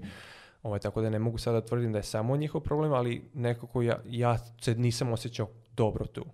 I to nije sad ovo kao uncomfortable, to ovo je već drugi stepen toga. I onda sam ovaj, odlučio, oni su mene htjeli da zadrže ovaj, mogao sam da se vratim u servis, na primjer da budem zapisničar. To bi isto kao bila neka bolja pozicija, međutim nisam, nisam hteo zbog par, par stvari. I, ovaj, I ponudili su mi posao u Mazdi da radim kao prodavac i ja sam to prihvatio zato što sam htio da promijenim okruženje i da vidim da li ću ja uspjeti da radim kao prodavac negdje drugdje. Koji je ključ prodaje automobila? ključ prodaje. Osim što kaže kao building, I, rela, uh, da, relation building. Da, u, u, mom, u, u, u, mom nekom slučaju je uvijek bila, bila neka, kako kažem, iskrenost. Ovaj, I i, tako, to, i ovo bi isto spomenuo, na primjer, ne znam jesi nekad čuo za VAK, VAK, to je Visual, Auditory i Kinesthetic. To je način mm. kako, neko, kako neko uči. Da, ja sam ovaj, baš pripučen za to. E, da, to sam, to sam naučio u Mercedesu kad sam bio na toj akademiji. I kad ti neko dođe da, ti, da kupi bilo koji proizvod, znači ti slušaš ključne reči, ako ti neko dođe i kaže, ej, video sam ovo na vašem sajtu, video sam ovaj auto na vašem sajtu, ti nećeš doći i reći, ej, da ti kažem nešto više o tome, nego ćeš doći, ej, da, dođi da ti pokažem. Znači, sam, slušaš te, te ključne reči, slušaš i, ovaj, i tako pokušaš da, da naučiš, da, da poduč, podučiš nekog kako se... Mhm. Ovaj, šta, je, šta je u vezi tog, tog proizvoda što, što će njima doneti neke benefite i da slušaš i to isto što sad, eto, Subora spomenuo kao benefiti. Šta je to što njima treba? Wants versus needs.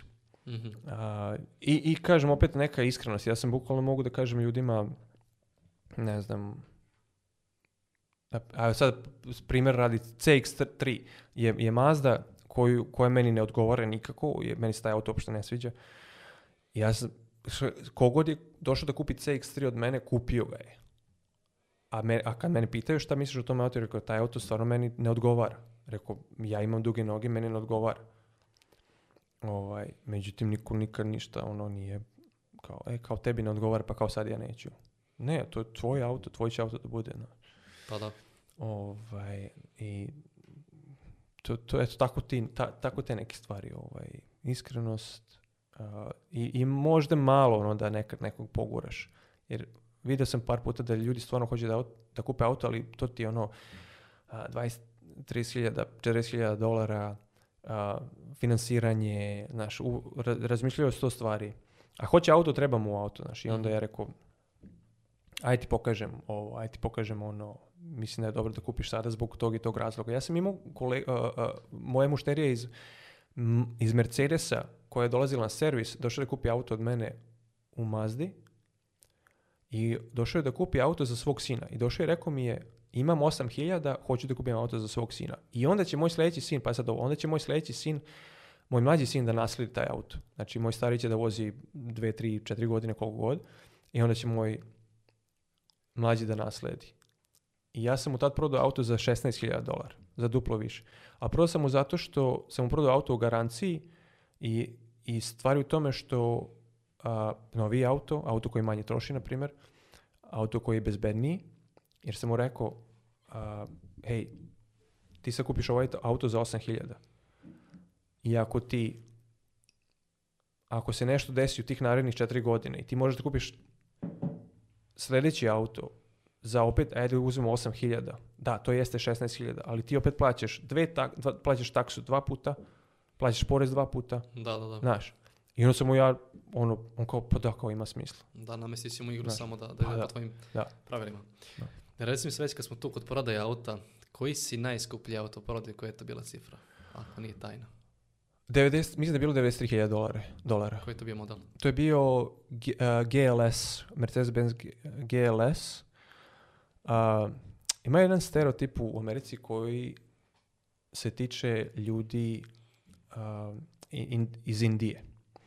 Da su ovakvi, da su onakvi, da uvek našo ono, noće da te zeznu, da ne znam, da, da uvek hoće, da se cenkaju, znaš, to je možda sad neka kultura, znaš, mislim, mislim da jeste, ali ovaj čovjek je od mene naručio auto, Gans novi i ono kupio, ne znam, nije koju, koju dodatnu opremu, mislim da je bio oko 93.000 dolara, 2018. Mm-hmm.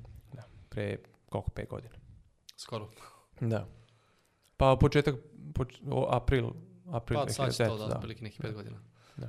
Znači, Mercedes GLS. Mercedes GLS. A znaš kako sam mu prodao auto? Prvo sam auto njegovoj deci. Kako? A, do, doveo je porodicu i, i sad kao ljudi, to je, to je bilo već kasno u noć, 6, 7, ne znam, mi smo zatvarali negdje 8, 9.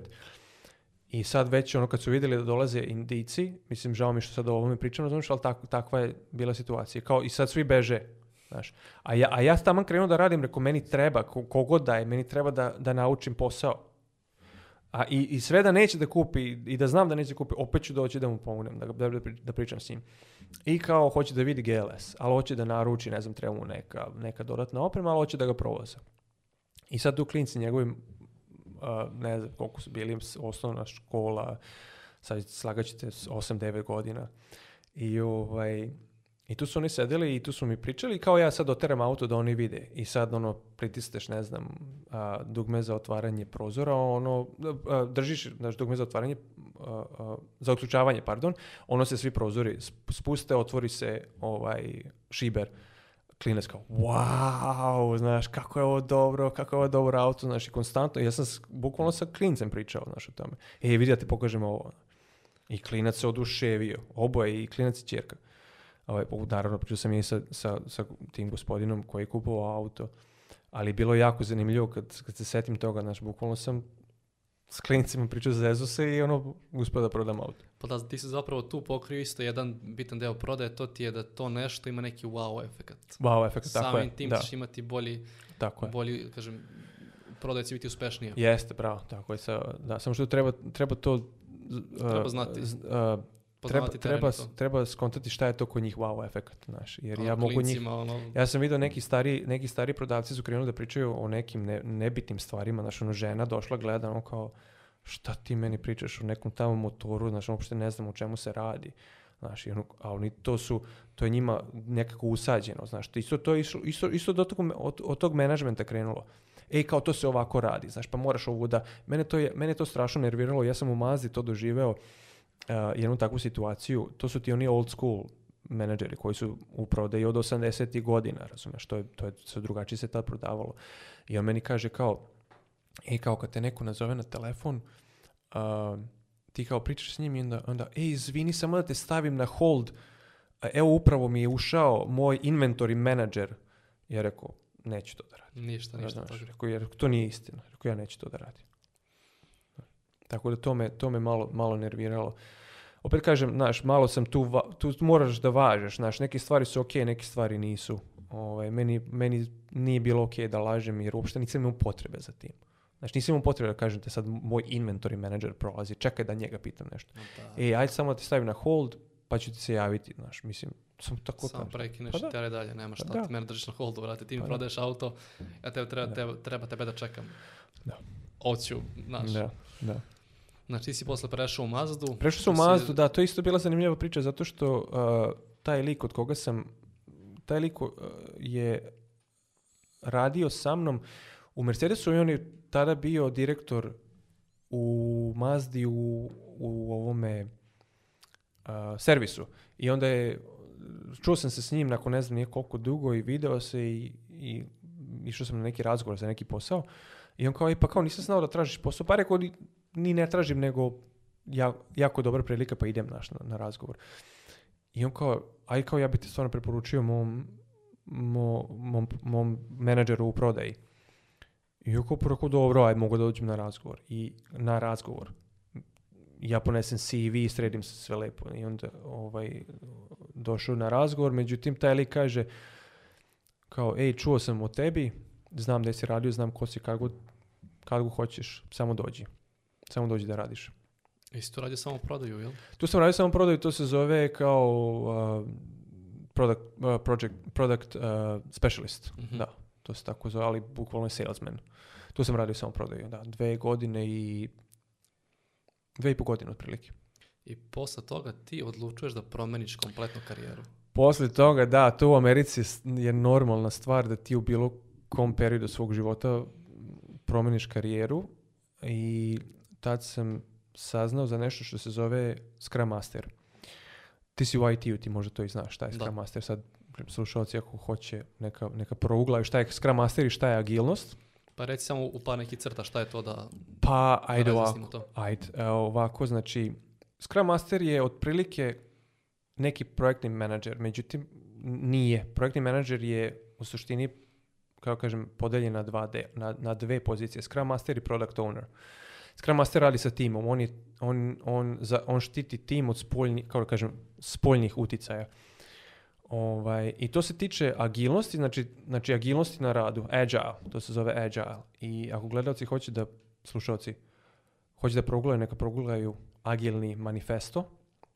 Ovaj, I u kratkim crtama, to je otprilike, kad se ranije radio projekat, radio se pod sistemu što se zove waterfall. Znači radiš on requirements, radiš dokumentaciju, radiš kotiranje, programiranje, šta god radiš, testiranje i onda tek prezentuješ taj proizvod uh, klijentu koji te u stvari plaća. I on ti klijent kaže nakon godinu, nakon šest mjeseci, nakon godinu dana, kaže ej, to mi ne treba, ili ti kaže ej, to nije to, ili ti kaže ej, to je to, ali već je zastarelo. Tako da agilnost se bazira na sistemu feedback loops. Mhm. Znači, znači u, u roku od dve nedelje do mjesec dana ti tu već krećeš da sarađuješ sa klijentom i već mu prezentuješ deo proizvoda. I onda ti klijent kaže da to je to ili ti kaže nije to to, kaže ti da zameniš.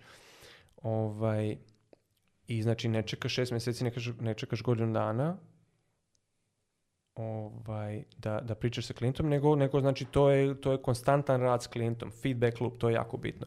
Druga stvar, kažu da je a agilnost je u stvari behavior, odnosno mindset.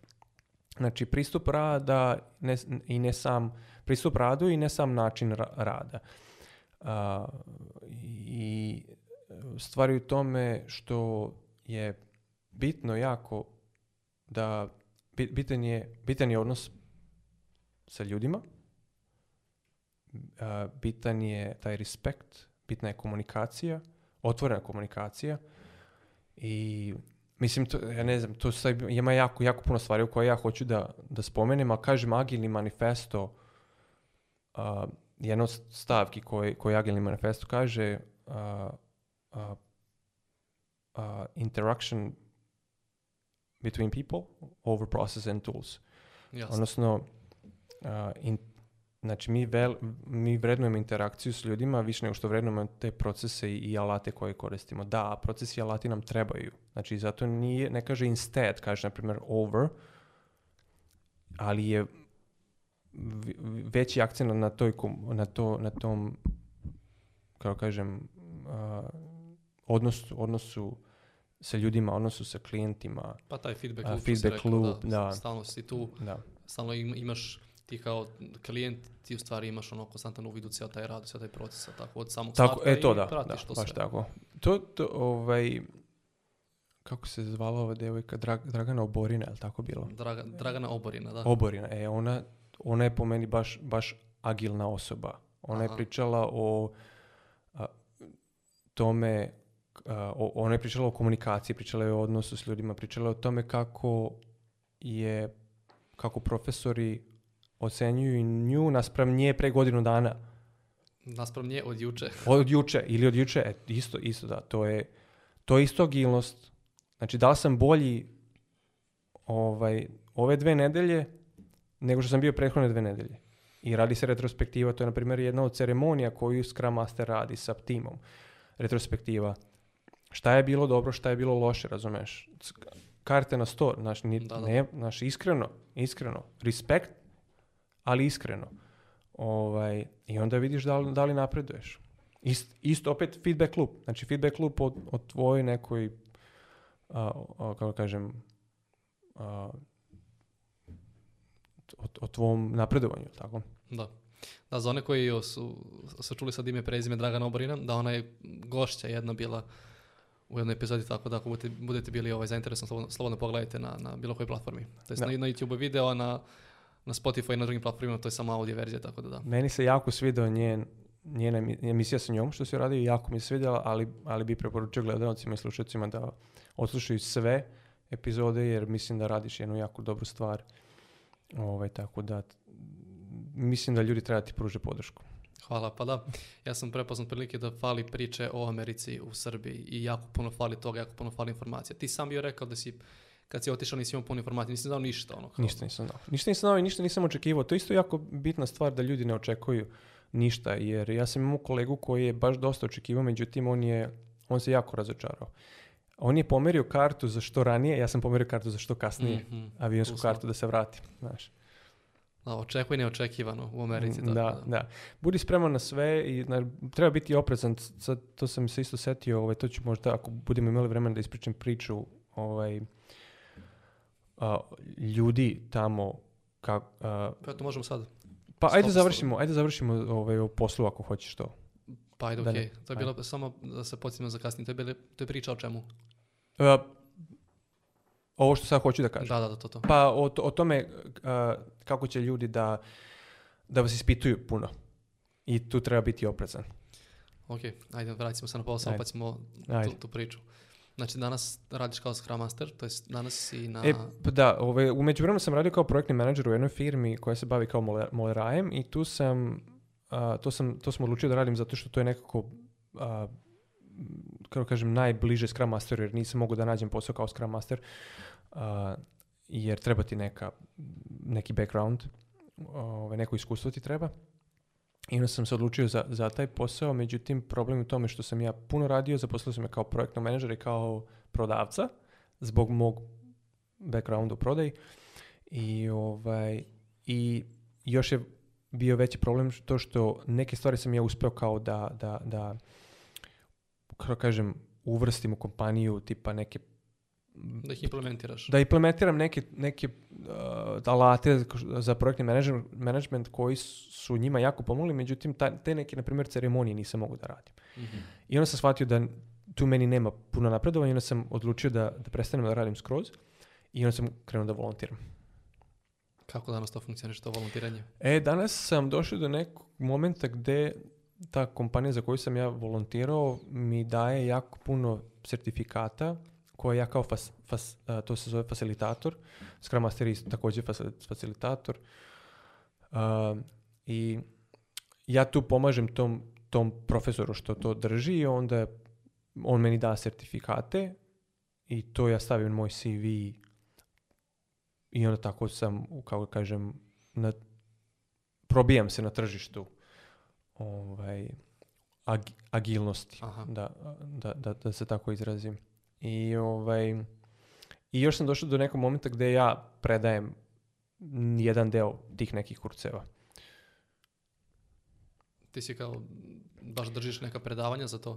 ja držim predavanja, ali on, on je tu sa mnom, znaš, on ako slučajno se desi da ja znači, nešto ne kažem da, da ja nešto ne kažem što bi trebao da kažem mislim on čovjek ima to, to, je, to, to, to je kompanija koja se bavi transformacijom firme mm znači ako neko hoće da uvrsti tu agilnost sad u, u, u, znači oni su radili taj waterfall ranije sad hoće da budu agilni onda oni zovu njih naš da oni to ovaj, njima pomognu i to traje godinama to možda traje 3 do 5 godina ta mhm. transformacija neki ljudi nisu spremni na to neki ljudi jesu Ovaj, I taj čovjek koji drži tu firmu, on je taj moj, uh, uh, uh, on je moj mentor. U, mhm. Americi je jako dobro, ako možete da nađete svog mentora, ja sam imao sreću da imam tri, Ove ovaj, on je jedan od njih i on meni pomaže u što se tiče karijere, što se tiče, što se tiče striktno karijere u agilnosti, striktno karijere kao Scrum Master. I onda ja tako uz njega ovaj, učim jako puno stvari. Znači, danas, iskra, danas radiš kao taj Scrum Master? Da, radim kao Scrum Master. Uh, nisam nešto sa puno plaćen za to, ali kako kaže, kompenzovao sam. Kompenzacija sa, da. sa certifikatima. Da, certifikatima i sam je, na primjer, uplatio put u Miami. Biće agilna konferencija e, Agile International Conference. Mm. Biće u Miami u martu. I onda mi je platio avijansku kartu i platit će mi smeštaj da, ovaj, da budem tamo i da radim networking. Aha. Da, to je isto jako bitno u Americi raditi networking. na spajanje s ljudima, praviti Spajanje s ljudima i tako se u stvari dobija posao. To je taj, to, to, je, to je što oni zovu posao preko veze. I oni su iskreni o tome. Treba, znaš, ono, jednostavno da. treba što da radiš. Što kaže, bit, bitno, je da znaš koga znaš. Koga znaš, tako je, da. Ništa sada nam ispričaš tu priču od malo pre. E, u Americi kada ste stranac, imigrant, dođoš, jel Dođeš. Da. A, ljudi će biti jako zainteresovani za vas. I meni se desilo da ja ne znam koliko puta sam ispričao svoju priču nekom. I to je njima jako zanimljivo, znaš, kako sam se ja, ne znam, odlučio da dođem sam, pa tamo vamo, mislim, ništa posebno. Se, evo, na avion je došao, razumeš, mislim, da misli one ljude koji priplivavaju Rio Grande, da bi došli, to je posao, razumeš, ovo što sam ja radio nije, iako i ja sam isto imao tih problema sa tim, sa tim smeštajem i tim šefom, ali dobro, nebitno sad, da ne dužim. Ovaj, a, I ja sam se jako navikao na to, da me ljudi tako ispitaju. I jednom se desio jedan incident, mislim tako da ga zovem incident, nije to bilo ništa posebno, ali bio sam baš u toj firmi gdje sam bio projektni menadžer, došli smo u kuću gdje smo trebali nešto da radimo, nešto da krećemo, farbamo i moj, moj tim je tu pripremao, a ja sam pričao sa vlasnicima te kuće. I čuli su akcenat i obično kao, oh, where is the accent from? Znaš, obično to tako krene priča. I ja tu krenem da, da pričam da sam iz Srbije, da sam sa Balkana, da sam došao tad i ta, tamo vamo. Međutim, u, u ovom slučaju što se desilo, taj, taj gospodin što je me ispitivao, on je izgleda pokušavao da sazna s kim sam ja tu. Ja ne mogu setim tačno pitanja koje on meni ispitivao, ali verovatno me je pitao kao da li imam nekog ovde. Ovaj, taj, taj razgovor je dosta dugo trajao. I ja sam verovatno rekao da nemam, da sam ovdje sam, da imam suprugu, ali ona je amerikanka, moja familija i porodica su u Srbiji. I on je tad izvadio jedan kartončić i dao mi u ruke i ja sam pogledao i tu je pisalo nešto u vezi, sad ćete slagati Boga, crkve, ne znam nije šta. Ja sam tu krenuo da čitam, Pa ja ne idem u crkvu, ne idem ovdje, ne idem tamo, ja, ja to jednostavno ne radim. Ovaj, ako ljudi to rade, ako su tu ljudi našli neki svoj, neki svoj mir, podržavam, apsolutno, ali nemoj mene vući za rukav da idem tamo, razumeš? I to će se isto desiti, pitati, naš ljudi će vas pitati da li se molite Bogu. Uh, u Americi? U Americi, da. Bar se meni desilo. Uh, jer oni su, znaš, oni imaju to ustavu uh, da možeš da praktikuješ svoju religiju. Može da im izmisliš svoju religiju, razumeš? Pa da. Ajde, beži, da, Pa, ali to se, znaš, to se desi meni kao, jesi moliš Bogu, ja kažem ne, kao ja stvarno to ne radim, i ono kao, a treba bi. Pa ako ti to radiš, super, ali znaš, ne, nema potrebe da, ti, da mi o tome pričamo. I sad, ja kad sam taj papir krenuo da čitam, sam ovako pogledao i zahvalio se i ovaj, stavio ga u džep. I valjda je moja reakcija njemu dala do znanja da naš, naš razgovor o ovome može da se završi ovdje, Znaš. Uh, I onda on bukvalno prestao da komunicira sa mnom. Ne, ne on kao bio, ne znam, neprijatan, nego jednostavno kao, ej, kao, dobrodošao u zemlju ili šta ja znam šta je rekao, znaš, hvala što si ovde, tamo, vamo. Ovaj, ja sad ne znam e, šta je on time htio da postigne, koji je on, da li on mene htio negde da pozove. Da te u sektu nekako. Da, ne znam, stvarno ne znam i, i kažem, znaš, verovatno je moj, moja, a, moja reakcija njemu to dala do znanja ovaj, i tu je, tu je prestala, naša priča. Ali generalno gledano, ljudi tamo su jako prisni. I to isto, kad me pitaju kako ti u Americi, ja kažem u Virginiji mi je dobro. Ja sad, znači ovo sve što sam govorio, govorio sam o Virginiji i DC-u. Znači ne govorim o nekoj Kaliforniji ili nekom jugu tamo. Znači govorim striktno o Virginiji jer ja sam tu, ja tu živim, ja tu poznajem ljude. Znači u Virginiji ljudi su jako prisni i, i kažem, ne znam koliko puta sam ljude upoznao tako ovaj, samo razgovarajući o svom životu jer to je njima zanimljivo. A više recimo prva gošća Marija rekla je da, dobro ona je bila tamo mislim u Ajovi. Ona je bila u Ajovi, da. Rekla je da, da odnosi nisu prisni kao kod nas, mm zato mi sad tvoja priča onako malo... Da, pa zato je bitno da ljudi pogledaju sve, sve video snimke da se informišu, znaš, svako ima neku svoju priču. Ja kad sam došao prvi put u Ameriku, ušao sam u onaj dollar store i... To je bio kulturološki šok prvi put. Da, da. sve za dolar, Sve za dolar, da, da. Ovaj, I znaš da oni imaju ono uh, jam, jelly, preserve i fruit spread. To je sve pekmez. Da. I, I tu verovatno nije bio jam kad sam ja gledao, nego je bio taj preserve, fruit spread, jelly. I ja uzeo teglu i ovako čitam i gledam, prolazi neka žena. mislim to, da u tom dollar storu nemaš kao tih radnika što obilaze, nego imaš samo on tamo na kao ovaj, na kasi, na jel da? Ja ovako kako izvinite, rekao, da li je ovo džem? Mislio sam to pitao. Ona ovako gleda i kao, aj kao sad samo sekund. I ona uzme tu teglu i ode na kasu i vrati se i kaže da, to je to. Ja gledam, rekao, da li je moguće da ona nije meni rekla, ono kao, e, idi tamo pa pitaj nekog. Nego ona čula moj akcent, akcent jer sam ja to nevjerojatno njoj objasnio, to je bio moj prvi dan u Americi da, mislim da je prvi dan. Tak, e, upravo bili smo u tom podrumu, da, pa sam ja otišao u radnju. Ovaj, tako da meni to bilo bio šok, znaš, ono kao, da li je moguće da, da mi neko tako pomogne? I to ja stalno doživim u Americi. Meni, meni to normalno. Ja upoznajem ljude u, u, radnji ovaj, koji me odvedu na večeru. Ili me pozovu ono otprilike kao, aj, znaš, pitaju da li putujem negdje, pa kao, e, ja sam iz Denvera, ako ikad dolaziš u Denver, kao, ajde, javi se, pa da idemo na piće. ju da. Priča. Ali, ali sad, kad, kad, ovaj, kad sam ovaj spomenuo, ako, ako nije problem sad da ispričam još jednu kratku priču, ovaj, šta mi se desilo u radnji, na primjer, kažem, navikao sam na to da mi, da mi ljudi, da, da, se upoznam s ljudima u radnji, pričamo o peanut butter. Mm-hmm. Krenemo da pričamo o tome, završimo, ne znam, ono, o čemu, znaš, ono šta ti radiš i tamo vam. I ovaj, desilo se par puta da ljudi ovako a, stoje pored meni i kao, oh, that's a nice watch. Kao, lep sat. A ja obožavam satove, na primjer. Kad mi neko kaže to je lep sat, i ono kao, ej, hvala ti, ono kao, ili tvoj lep, i mi krenemo tu neku spiku. I jednom se desilo to da mi je lik rekao, pitali smo jedno drugo šta radiš, i, i lik meni odgovori kao, ja pokušavam da se penzionišem sa 35 godina. I sad on očekuje da ti kao E kao, šta to znači? Šta je to? Jel možeš mene da uvedeš? A to ti oni imaju one... Ne znam si nekad gledao, mislim se stelik zove Dan Locke. On je neki multimilioner, po meni prodaje praznu slamu, a sad naš, ne, znam čoveka. Maglu prodaje, da. Maglu prodaje mlati praznu slamu, tako je da. Ovaj, da, znam koja je kinez, jel tako? E, ta, da, on je neki, neki, kinez, da. da, I, ovaj, I to je ta neka priča. Kao penzioniši se sa 30-40 godina, ne znam nije šta. I to će se desiti da ovaj, nekad tako neko hoće da te vrbuje za neki možda multilevel ili nešto. Za piramidu. Za piramidu toga tamo isto ima, ja nisam mogu da verujem.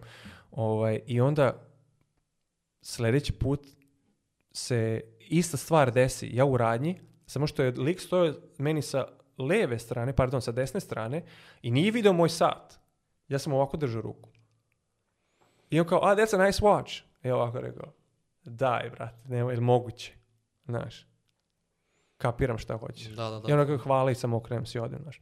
A isto se desilo u, u Mercedesu kad sam bio, prišla mi jedna žena i mušterija naša, već dugo godina dolazi i mi smo se sprijateljili, ono kao, ej ti ako dobro radiš ljudima, kao imam posao za tebe. Pa rekao, dobro, šta je u pitanju?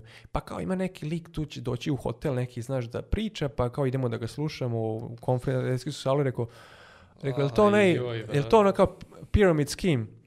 Ono kao, a what do you mean? Pa kao, znaš, multilevel pyramid. I ono kao, pa kad pogledaš i ovo je isto pyramid scheme, znaš, ti imaš šefa, on ima middle management, rekao, kapiram, Vidimo kapiram, se. da, da. tako da lako je, lako je ljude provaliti, lako, mislim, desi se, desi se tako neki incident, uh, uh, uh, neka situacija gdje kao što je taj meni dao taj taj papirić, znači odmah znam šta je iza svega toga što je meni ispitivao. Pet kažem, meni u mom slučaju prisnost je bila ono, u 99% slučajeva je bilo samo striktno o meni, o mom životu, jer su ljudi bili zainteresovani. Tako čisto da, da slušalci mene razumiju pogrešno. Šta bi to preporučio našim ljudima ovaj, koji budu odlazili za Ameriku?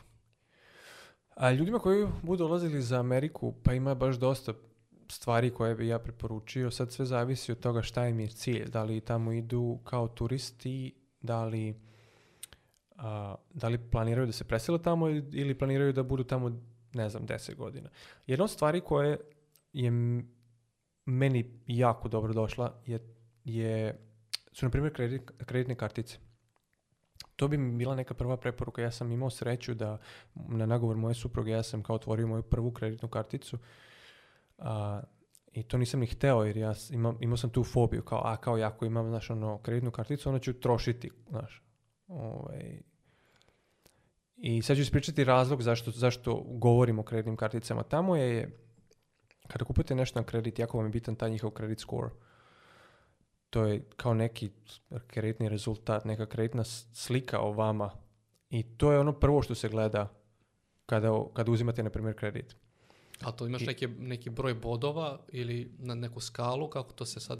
To je jako dobro pitanje. Znači, to se gleda po tome koliko ti para pozajemljuješ i koliko, ti para, koliko i kako ti te pare vraćaš. Znači, kada ti imaš kreditnu karticu, provučeš kreditnu karticu, ti si pozajmio pare. To je jedna stvar. Druga stvar je, i ne treba imati jednu kreditnu karticu, nego više kreditnih kartica. Znači, što pre dođete do nekih 4-5 kreditnih kartica, to će vam biti bolje. A, i, ja, ja sam isto takvu facu napravio kao što ti sad praviš. Šta, ti objasniti? Realno, šta mi kao pet Sad ću ti objasniti zašto. A, jedna od stvari koja je jako bitna za taj credit score je, to se zove credit card utilization.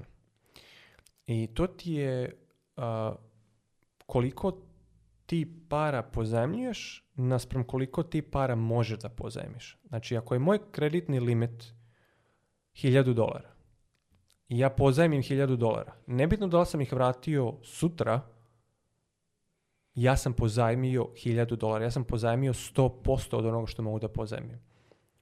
Ali ako vi imate 8, 9, 10, 20.000 dolara da, da pozajmite putem tih kreditnih kartica, e, vi pozajmite 3000, to je opet nekih 33,3% ako govorimo o 10.000 dolara limitu.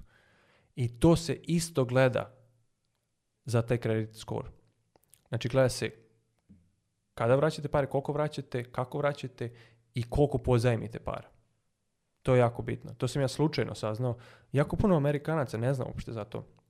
Ja sam imao raspravu sa mojim kolegom koji kao, pa kao ja imam, znaš, ja mogu dve, dve kreditne kartice da imam, imam 2000 dolara i imat ću isti kreditni skor kao i ti. Rekao, nećeš, rekao, znaš, bitan je taj, taj utilization, taj limit. Znaš, da li pozajmljuješ 100 ili pozajmljuješ 30%. Mm to, isto, se isto gleda. I to znači kad dođete tamo nema, nema, uopšte nemate kreditni skor. Uopšte ne postoji. I, i tako krenete da, da gradite putem kreditnih kartica. Znači, bitno je da isplatite do, do kraja mjeseca, do, do, dok vam ne ode, kako se to zove, dok vam ne krene kamata na to bitno je isplatiti, to je prva stvar. Druga stvar je to sve pozajmljivati manje, manje pare nego što je početna kamata?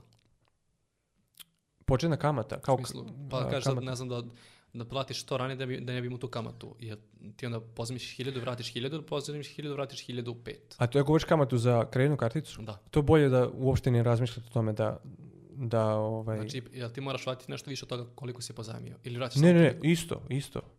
Pa ne, kreditna kartica, mislim to, da. Pozajmio se da, ali opet kako oni pa, korist od tebe onda ako ti to vraćaš sve na vrijeme. Ta kreditna kartica, on, ta, ta banka, to oni naplaćuju ljudima koji ovaj, imaju ovaj, u prodavnici, znači kupiš kreditnu karticu, to ne ide tebi, to ide njima, to oni naplaćuju. Banka naplaćuje. Meni ti kad plaćaš banci nazad, potrošiš si danas 1000 dolara na nešto, tačno 1000 si dao. Da. I ti Kažeš imaš taj neki rok da platiš. Nije to, nije to ta pozicija. To je znači kao obična kreditna kartica. Mislim, ja ne znam da li, da li u Srbiji imaš pa ima kamate na to. Ne, to ne koristim tako za, znaš. Aha, dobro, dobro. Da, nema, nema kamate na to. Kamate ide samo ako ti ne platiš na vreme. Ako ne vratiš par na vrijeme. Znači ako imaš mjesec... Ako ja onda pozajemljujem pare, onda ako ću pozajmiti hiljadu, vratiti hiljadu nazad. Pa u, u, u, kao banci? Mislim na, na, taj, na taj kreditnu karticu, na to plaćanje. A kažeš pozajmio si, pre, to ti malo kao pozajmioš te pare. Znači, pa, to, je pod navodnicima pozajmljuješ. Zato okay. sam ja iskoristio to kao, kao da, da, da, opišem da opišem taj proces koliko si ti para pozajmio, opet kažem pod navodnicima, naspram koliko ti para možeš da pozajmiš. Mislim, to je po meni samo provlačenje kreditne kartice, ništa sad tu nije da to ti ideš tamo u banci da, da, potpišeš. Ja to uh, kažem, ok, kre... aj sad da. drugačije da si, izrazim. Uh mhm. -huh. Znači ti si danas otišao u neku, neki shop, kupi si uh mhm. -huh. neki iPhone za 1000 dolara, uh mhm. -huh. tačno je 1000, bilo 1000. Znači prvo s kreditnu karticu. A možeš i debitno da provučeš pa će ti biti opet 1000. Znači, sad to kažem, koja je fora da ti uzimaš to na taj kredit, ako hoćeš Ali nije kredit, to, u tome se radi. Pa mislim, na... pa mislim, znaš kako, oni to u stvari, prvo što naplaćuju toj kompaniji ko, gdje si ti kupio proizvod, šta god da si kupio. Oni to njima naplaćuju što oni koriste njihov sistem. To je taj fee koji svugdje ima da je da, na kreditne kartice. Da, to, da, a, a, oni se onda možda i nadaju da ti možda nećeš moći da otplatiš na vrijeme, pa ćeš onda znaš, ono, još, još malo njima dati para. Mislim, onda ćeš im i ti dati para, tako? Ali to, ja uopšte tome ne razmišljam, ja, ja otplaćujem to sve na vrijeme. Mhm. Desilo se par puta da sam zaboravio, ali dobro, mislim, to nije to ništa. Pozitivno. Nego to, to je bitno, znači da krenete da gradite svoj kredit score.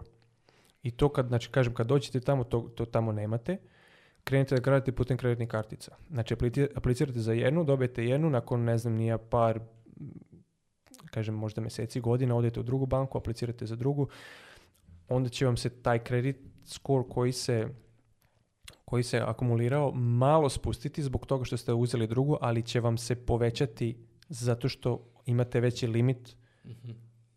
a, a ne pozajmljujete ovaj, opet ne pozajmljujete ovaj, toliko, puno para.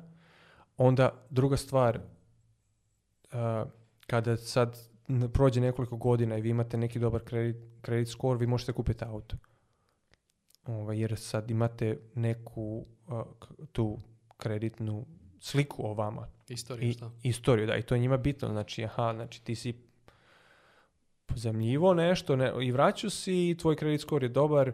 Znači, to mora da bude preko 700 otprilike. nešto što je ispod nekih 600, mislim da je to jako loše, mhm. tako nešto. Znači, ili, ili ćeš jedva, e, ili nećeš dobiti kredit, na primjer za auto, ili će ti kamate biti ono bolje bolj da ne kupiš auto, na ono, primjer. Na Ja sam imao tu sreću da nakon tri godine života, eto, nakon, nakon tri godine rada u Americi, to je, znači, ja sam krenuo da radim maju 2014. u, u u proleće 2017. sam kupio svoj prvi auto i imao sam nešto malo, 2-3% otprilike sam imao uh, kredit, kreditnu kamatu. Kamata je bila nešto sitna. Ali nisi, što, što nisi, što, recimo nisi skupio keša za to?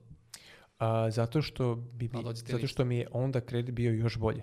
Znači ja sam pozajmio opet neke velike pare, moj kredit, taj kreditni skor je otišao dole, kako se me krenuo da opačujem, on se, on se drastično promenio, otišao je još gore. Znači, moj kreditni skor je trenutno 800. Što je super Što je, ono, preko 800 je e, kao fenomenal otprilike. A Very gde je limit taj? Ili 850. Mislim, pa ne znam, stvarno mislim. Neki kažu da je 1000, ali to ne, niko ne može da ima. Ja ne znam to iko ima.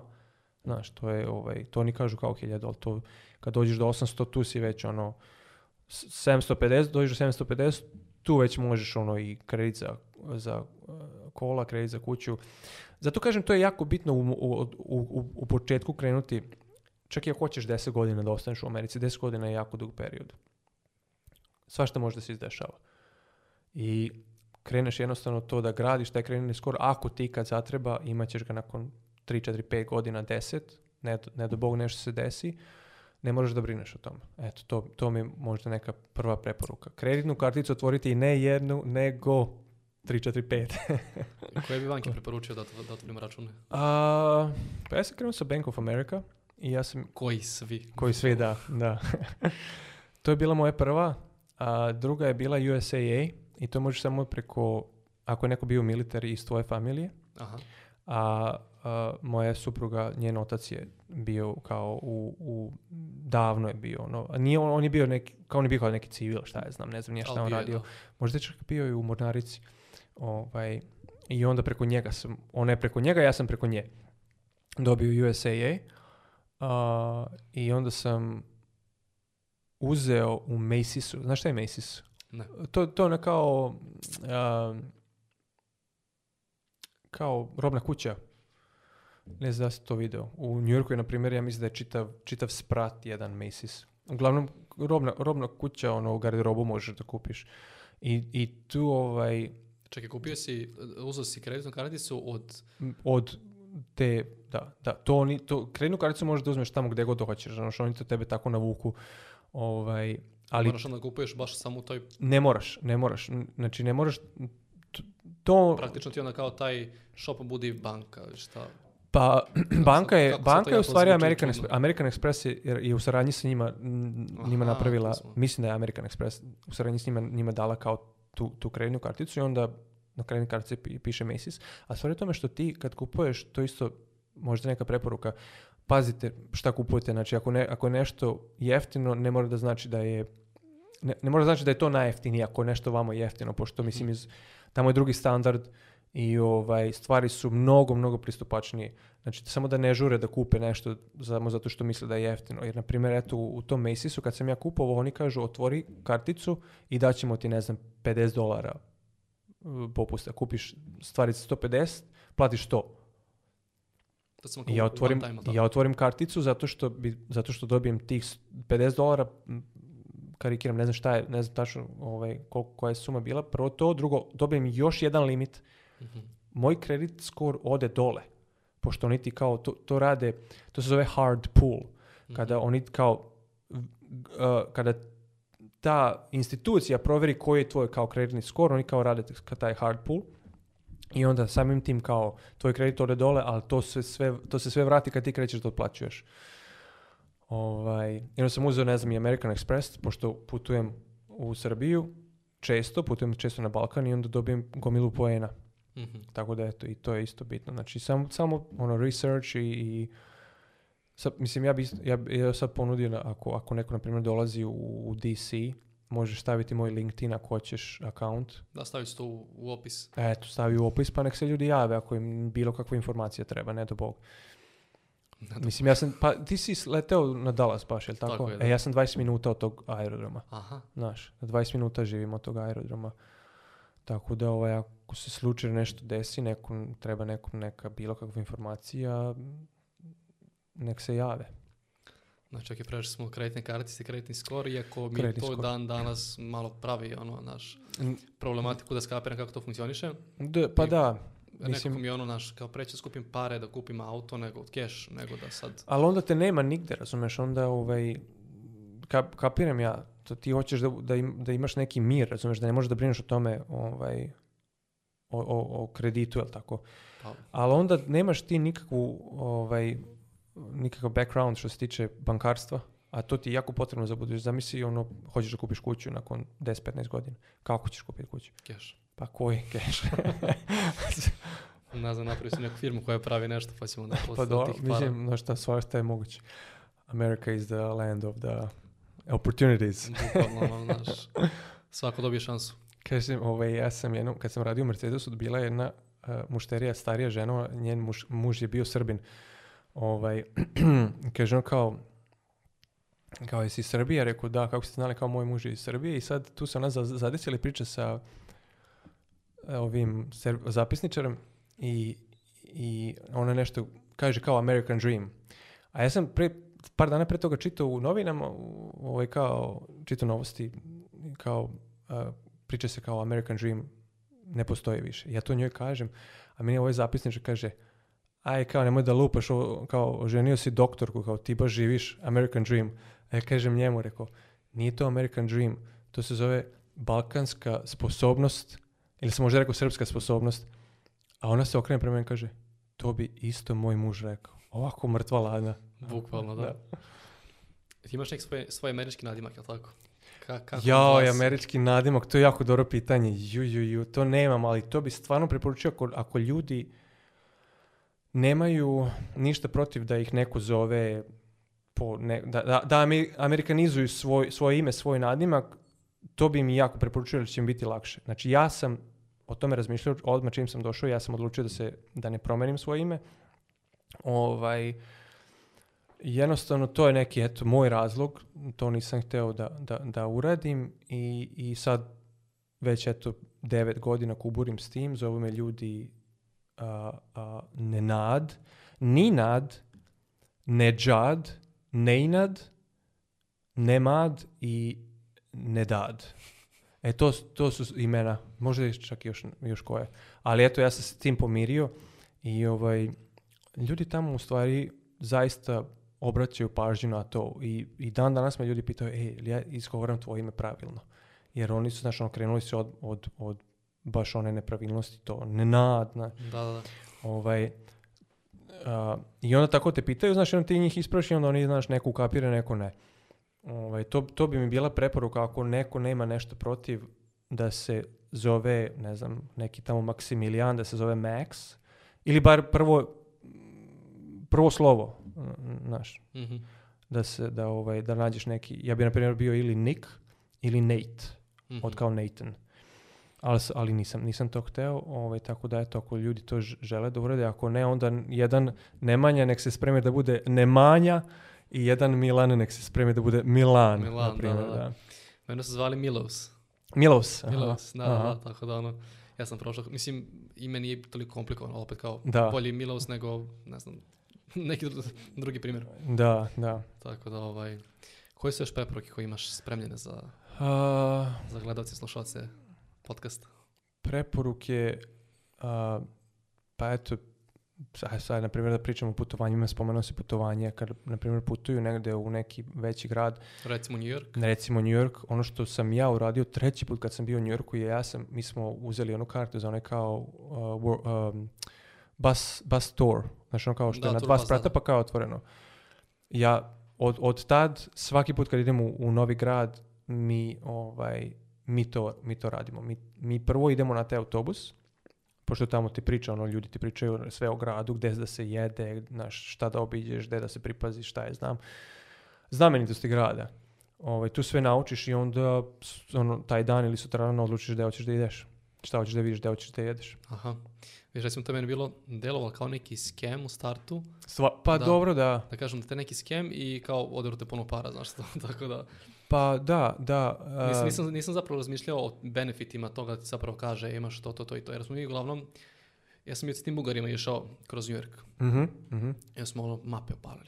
Google Maps i pičiš, imaš tamo Brooklyn Bridge, imaš Empire State, imaš statua, ono, to je kip slobode malo dalje, jel?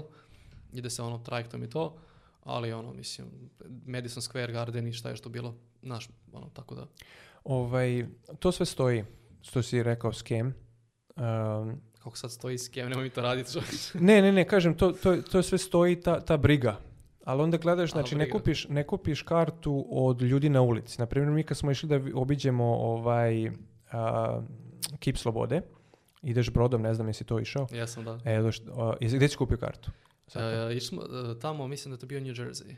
Dobro, a, a, a, jesi kupio na ulici? Ne. Nego Baš tamo unutra smo kupili. E, to, to, da. Nismo mi kupovali ništa. Taj lik koji je vodio, ovaj, ne znam kako zove lik, cijeli neki iz e-pointa, mm on nas je vodio tamo, tako da on je rešao sve, samo ne da posle karte i mi smo ono, da. čekirali e, to, to da. to. Znači, znači tamo ti ljudi, na primjer, prodaju na ulici te karte.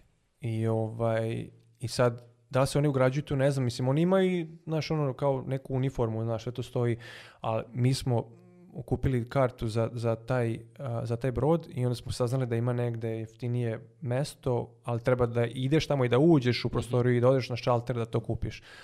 Ovaj, I onda smo sreli tog lika na ulici kao može da nam vratiš pare, kao ne, kao nema šanse. Znaš. A, ovaj, I može to da se online kupi, na primjer, za taj autobus. Ali po, po meni u stvari, po meni uopšte nije skem. To smo uradili u Njorku, to smo uradili u Vegasu, u DC-u nismo radili to, ali to, mislim, DC otprilike znam. Eto, to je jedna od preporuka ako putujete. Po meni je to stvarno... To si u pravu, mislim, na internetu imaš jako puno stvari, ali to... To jest na internetu možeš da nađeš jako puno stvari, ali jako puno informacija ima. Aha. Ovi znaju znaš, ono šta, šta ti kažu.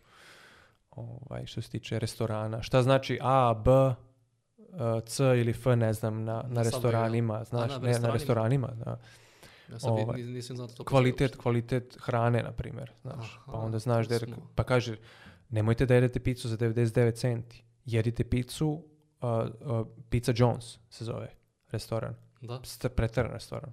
Mi smo slučajno na to naišli, ja i moji roditelji... Pizza Jones? Da. Ne, izvini, Jones pizzerija. Jones pizzerija. isto je.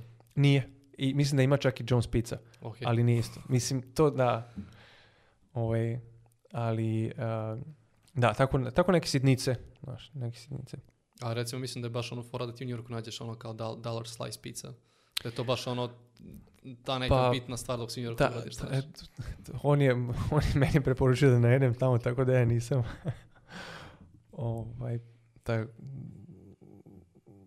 kažem, znaš kako, sve, to sve zavisi. Ovaj, to što, sve ovo što ja pričam možda neće nikom ništa dobro doneti. Ali eto, pričam neku svoju priču, pa onda... A neko će naći, ljudi... mislim, ono, prosto ljudi, pa nađu naš nečije iskustva pa čuju, pa, naš prosto... Pa da, pa, znaš, na, zato ja kažem, to je dobro što ti radiš jer ti prikupljaš ljude koji su imali neko iskustvo. To je meni trebalo kad sam išao tamo 2012. Ja sam zvao ljude za koje sam znao da su bili u Americi, svega par njih i ono, ono bilo kao, e, ajde se nađemo na piću, pa ću ti kažem kako je meni bilo. mm Ja rekao, to mi treba. A ne sad ti ono kao, pa zavisi od ovoga, zavisi od onoga, znaš. A, druga neka stvar, druga neka preporuka, eto, rekao sam na primjer za attitude. Znači, to, to vam je bitno. Pratite ljude koji su stariji, koji su iskusniji, a, za koje radite. možete ih pitati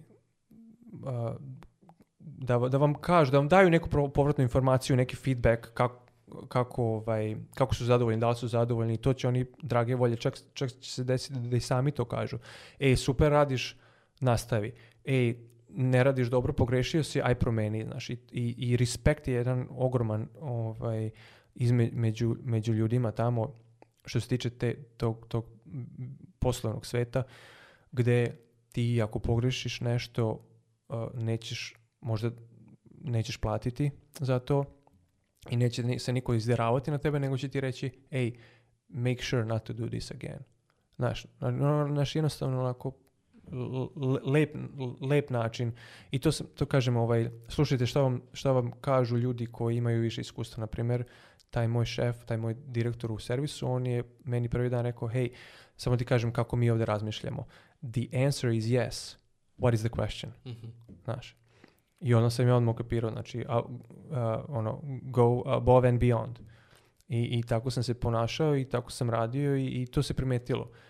Ovaj, sad da ne bude se hvalim, ali opet kažem, pričam svoju priču. Ja sam radio taj neki bedni posao na početku, ali sam ga radio najbolje što sam mogao i, i pravo sam kola, razumeš, mislim, ništa posebno. Ovaj, i desilo se, na primjer, da je neko vratio onaj kao survey i pisalo je svaka čast kako ste oprali auto, niko mi do sad nije oprao, ne znam, patosnice, na primjer. I lik je stojao, moj kolega i čito je i ovako i okrenuo se kao, to je Nenad. Mm. Kaže, ja ovo nikad ne radim. To je Nenad. Bukvalno je to rekao i, i meni to je značilo, znaš, zato što ne zato što, ne, nije to zbog nekog ega, nego samo mi reci da li je to dobro, razumeš. Mm da li je to dobro. I ako ja idem above and beyond i ako ti to ne želiš i ako puno vremena provodim, ne znam, radeći to i to, opet mi reci, znaš. I oni su, oni su dosta otvoreni što se toga tiče. Eto, slušajte, slušajte šta vam stariji kažu. budite ok prema kolegama. I bit će, vam, im lako da to rade. Baš zbog tog odnosa. I to je to je ovaj, Dragana Oborina, ob, Oborina. Oborina, izvinjavam se, izvini Dragana. Oborina rekla a, taj, taj njihov mindset, kako si, došao si iz neke, nekog okruženja gdje u Srbiji otprilike razmišljaš na jedan način i uvijek misliš da je to pravilno i, i nastojiš da, da nekako uvijek misliš da si u pravu, jel tako? sad da, opet da ne generalizujem, naš čast izuzecima, ovaj, a tamo kad dođeš, čak i ako si takav, sredina će te, okruženje će te promeniti. Biće ti mnogo lakše da, da prihvatiš sve što, što ovaj, vidiš, dokle god je u nekim moralnim granicama i dokle god neko, ne znam, ne pravi štetu nekom drugom, ili tako? Tako je uvek razmišljam. Znači, možeš mi o, o svemu pričati Ove, ovaj, sve mogu da razumijem samo da, da znaš, nekom nisi naneo neko zlo i da je nešto, ne znam, nemoralno. Ja sam se, eto, sva sreća, nisam imao nikad nikakvih problema u, Americi, u Virginiji, u Virginiji, u dc Nisam imao nikad nikakvih problema, ljudi su me prihvatili, ali dobro, to, to je i zbog moje boje kože, ali sad da ne idem u te detalje. A druga stvar, možete sami pitati za povišicu. Čak je i preporučljivo. Ja bih preporučio da sami pitati za povišicu jer neke firme će vam dati, neke neće. ja sam pitao za povišicu nakon par nedelja. Kad pre? Znaš zašto? Ja sam ovaj, znao da ja krećem od, od dna. I onda kada ti imaš taj neki minimalac, kad dobiješ, ja sam tad dobio 10 dolara na sat. Pardon. Ja sam tad dobio neki 10 dolara na sat i sad kad bi ja, na primjer, prešao u neku drugu firmu ili neku drugu poziciju, ja sam krenuo od tog minimalca i šta god ti meni daš, meni će značiti zato što je više. Onda sam se ja trudio da što pre dobijem neki veći, neku, neku veću platu. I dali su mi, odmah su mi dali. Sad, da li je bilo par, par ili mjesec dana, ja, ovaj, napravio sam neki, ne, neki 20, 20 sati preko rada mhm. i onda sam ono, otposam Ovaj, I onda sam to, tad sam rekao više nikad neću toliko napraviti prekovremenih sati. I dali su mi povišicu tada, dali su mi ovaj, kako zove, novu radnu poziciju sa, opet sa povišicom. Tako da, sam, samo da napreduješ, znaš, ono, da ne stagneš, da napreduješ, da se boriš, da budeš a, ekstrovertan, ako, ako to neko može. Ja mislim da sam dosta ekstrovertan i da sam dosta kako kažem, pristupačen pa, se, pa mi nije bio problem naš da mhm. uletim u vatru ako treba i da pitam za, za povišicu i za novo radno mesto. Eto. To su, to su neke moje preporuke. Evo možda još jedna preporuka za ljude koji, na primjer, hoće da žive u Americi, znači dolaze sa tom idejom da žive u Americi. moram samo da napomenem da sam ja u Americi uradio sve legalno, da nisam ni jedan sekund tamo proveo, ilegalno i ovaj, tako da ne mogu dati nekom savjet što se toga tiče, ali ako sve radite legalno i hoćete da dođete u Ameriku da živite, bilo bi dobro da počnete odmah da, a, da učestvujete u vašem penzionom fondu. to se zove 401k, 401k.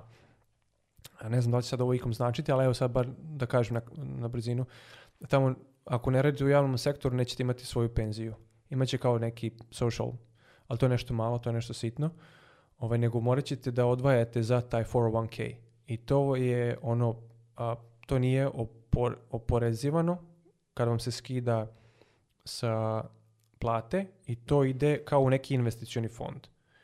I onda se to akumulira i kada ste 70-80 godina, ne znam, te pare kreć, počnete da, da, da, podižete i tu se plaća kamata, ali nije, nije toliko velika kamata koliko, koliko bila kad bi se sad podigla te pare.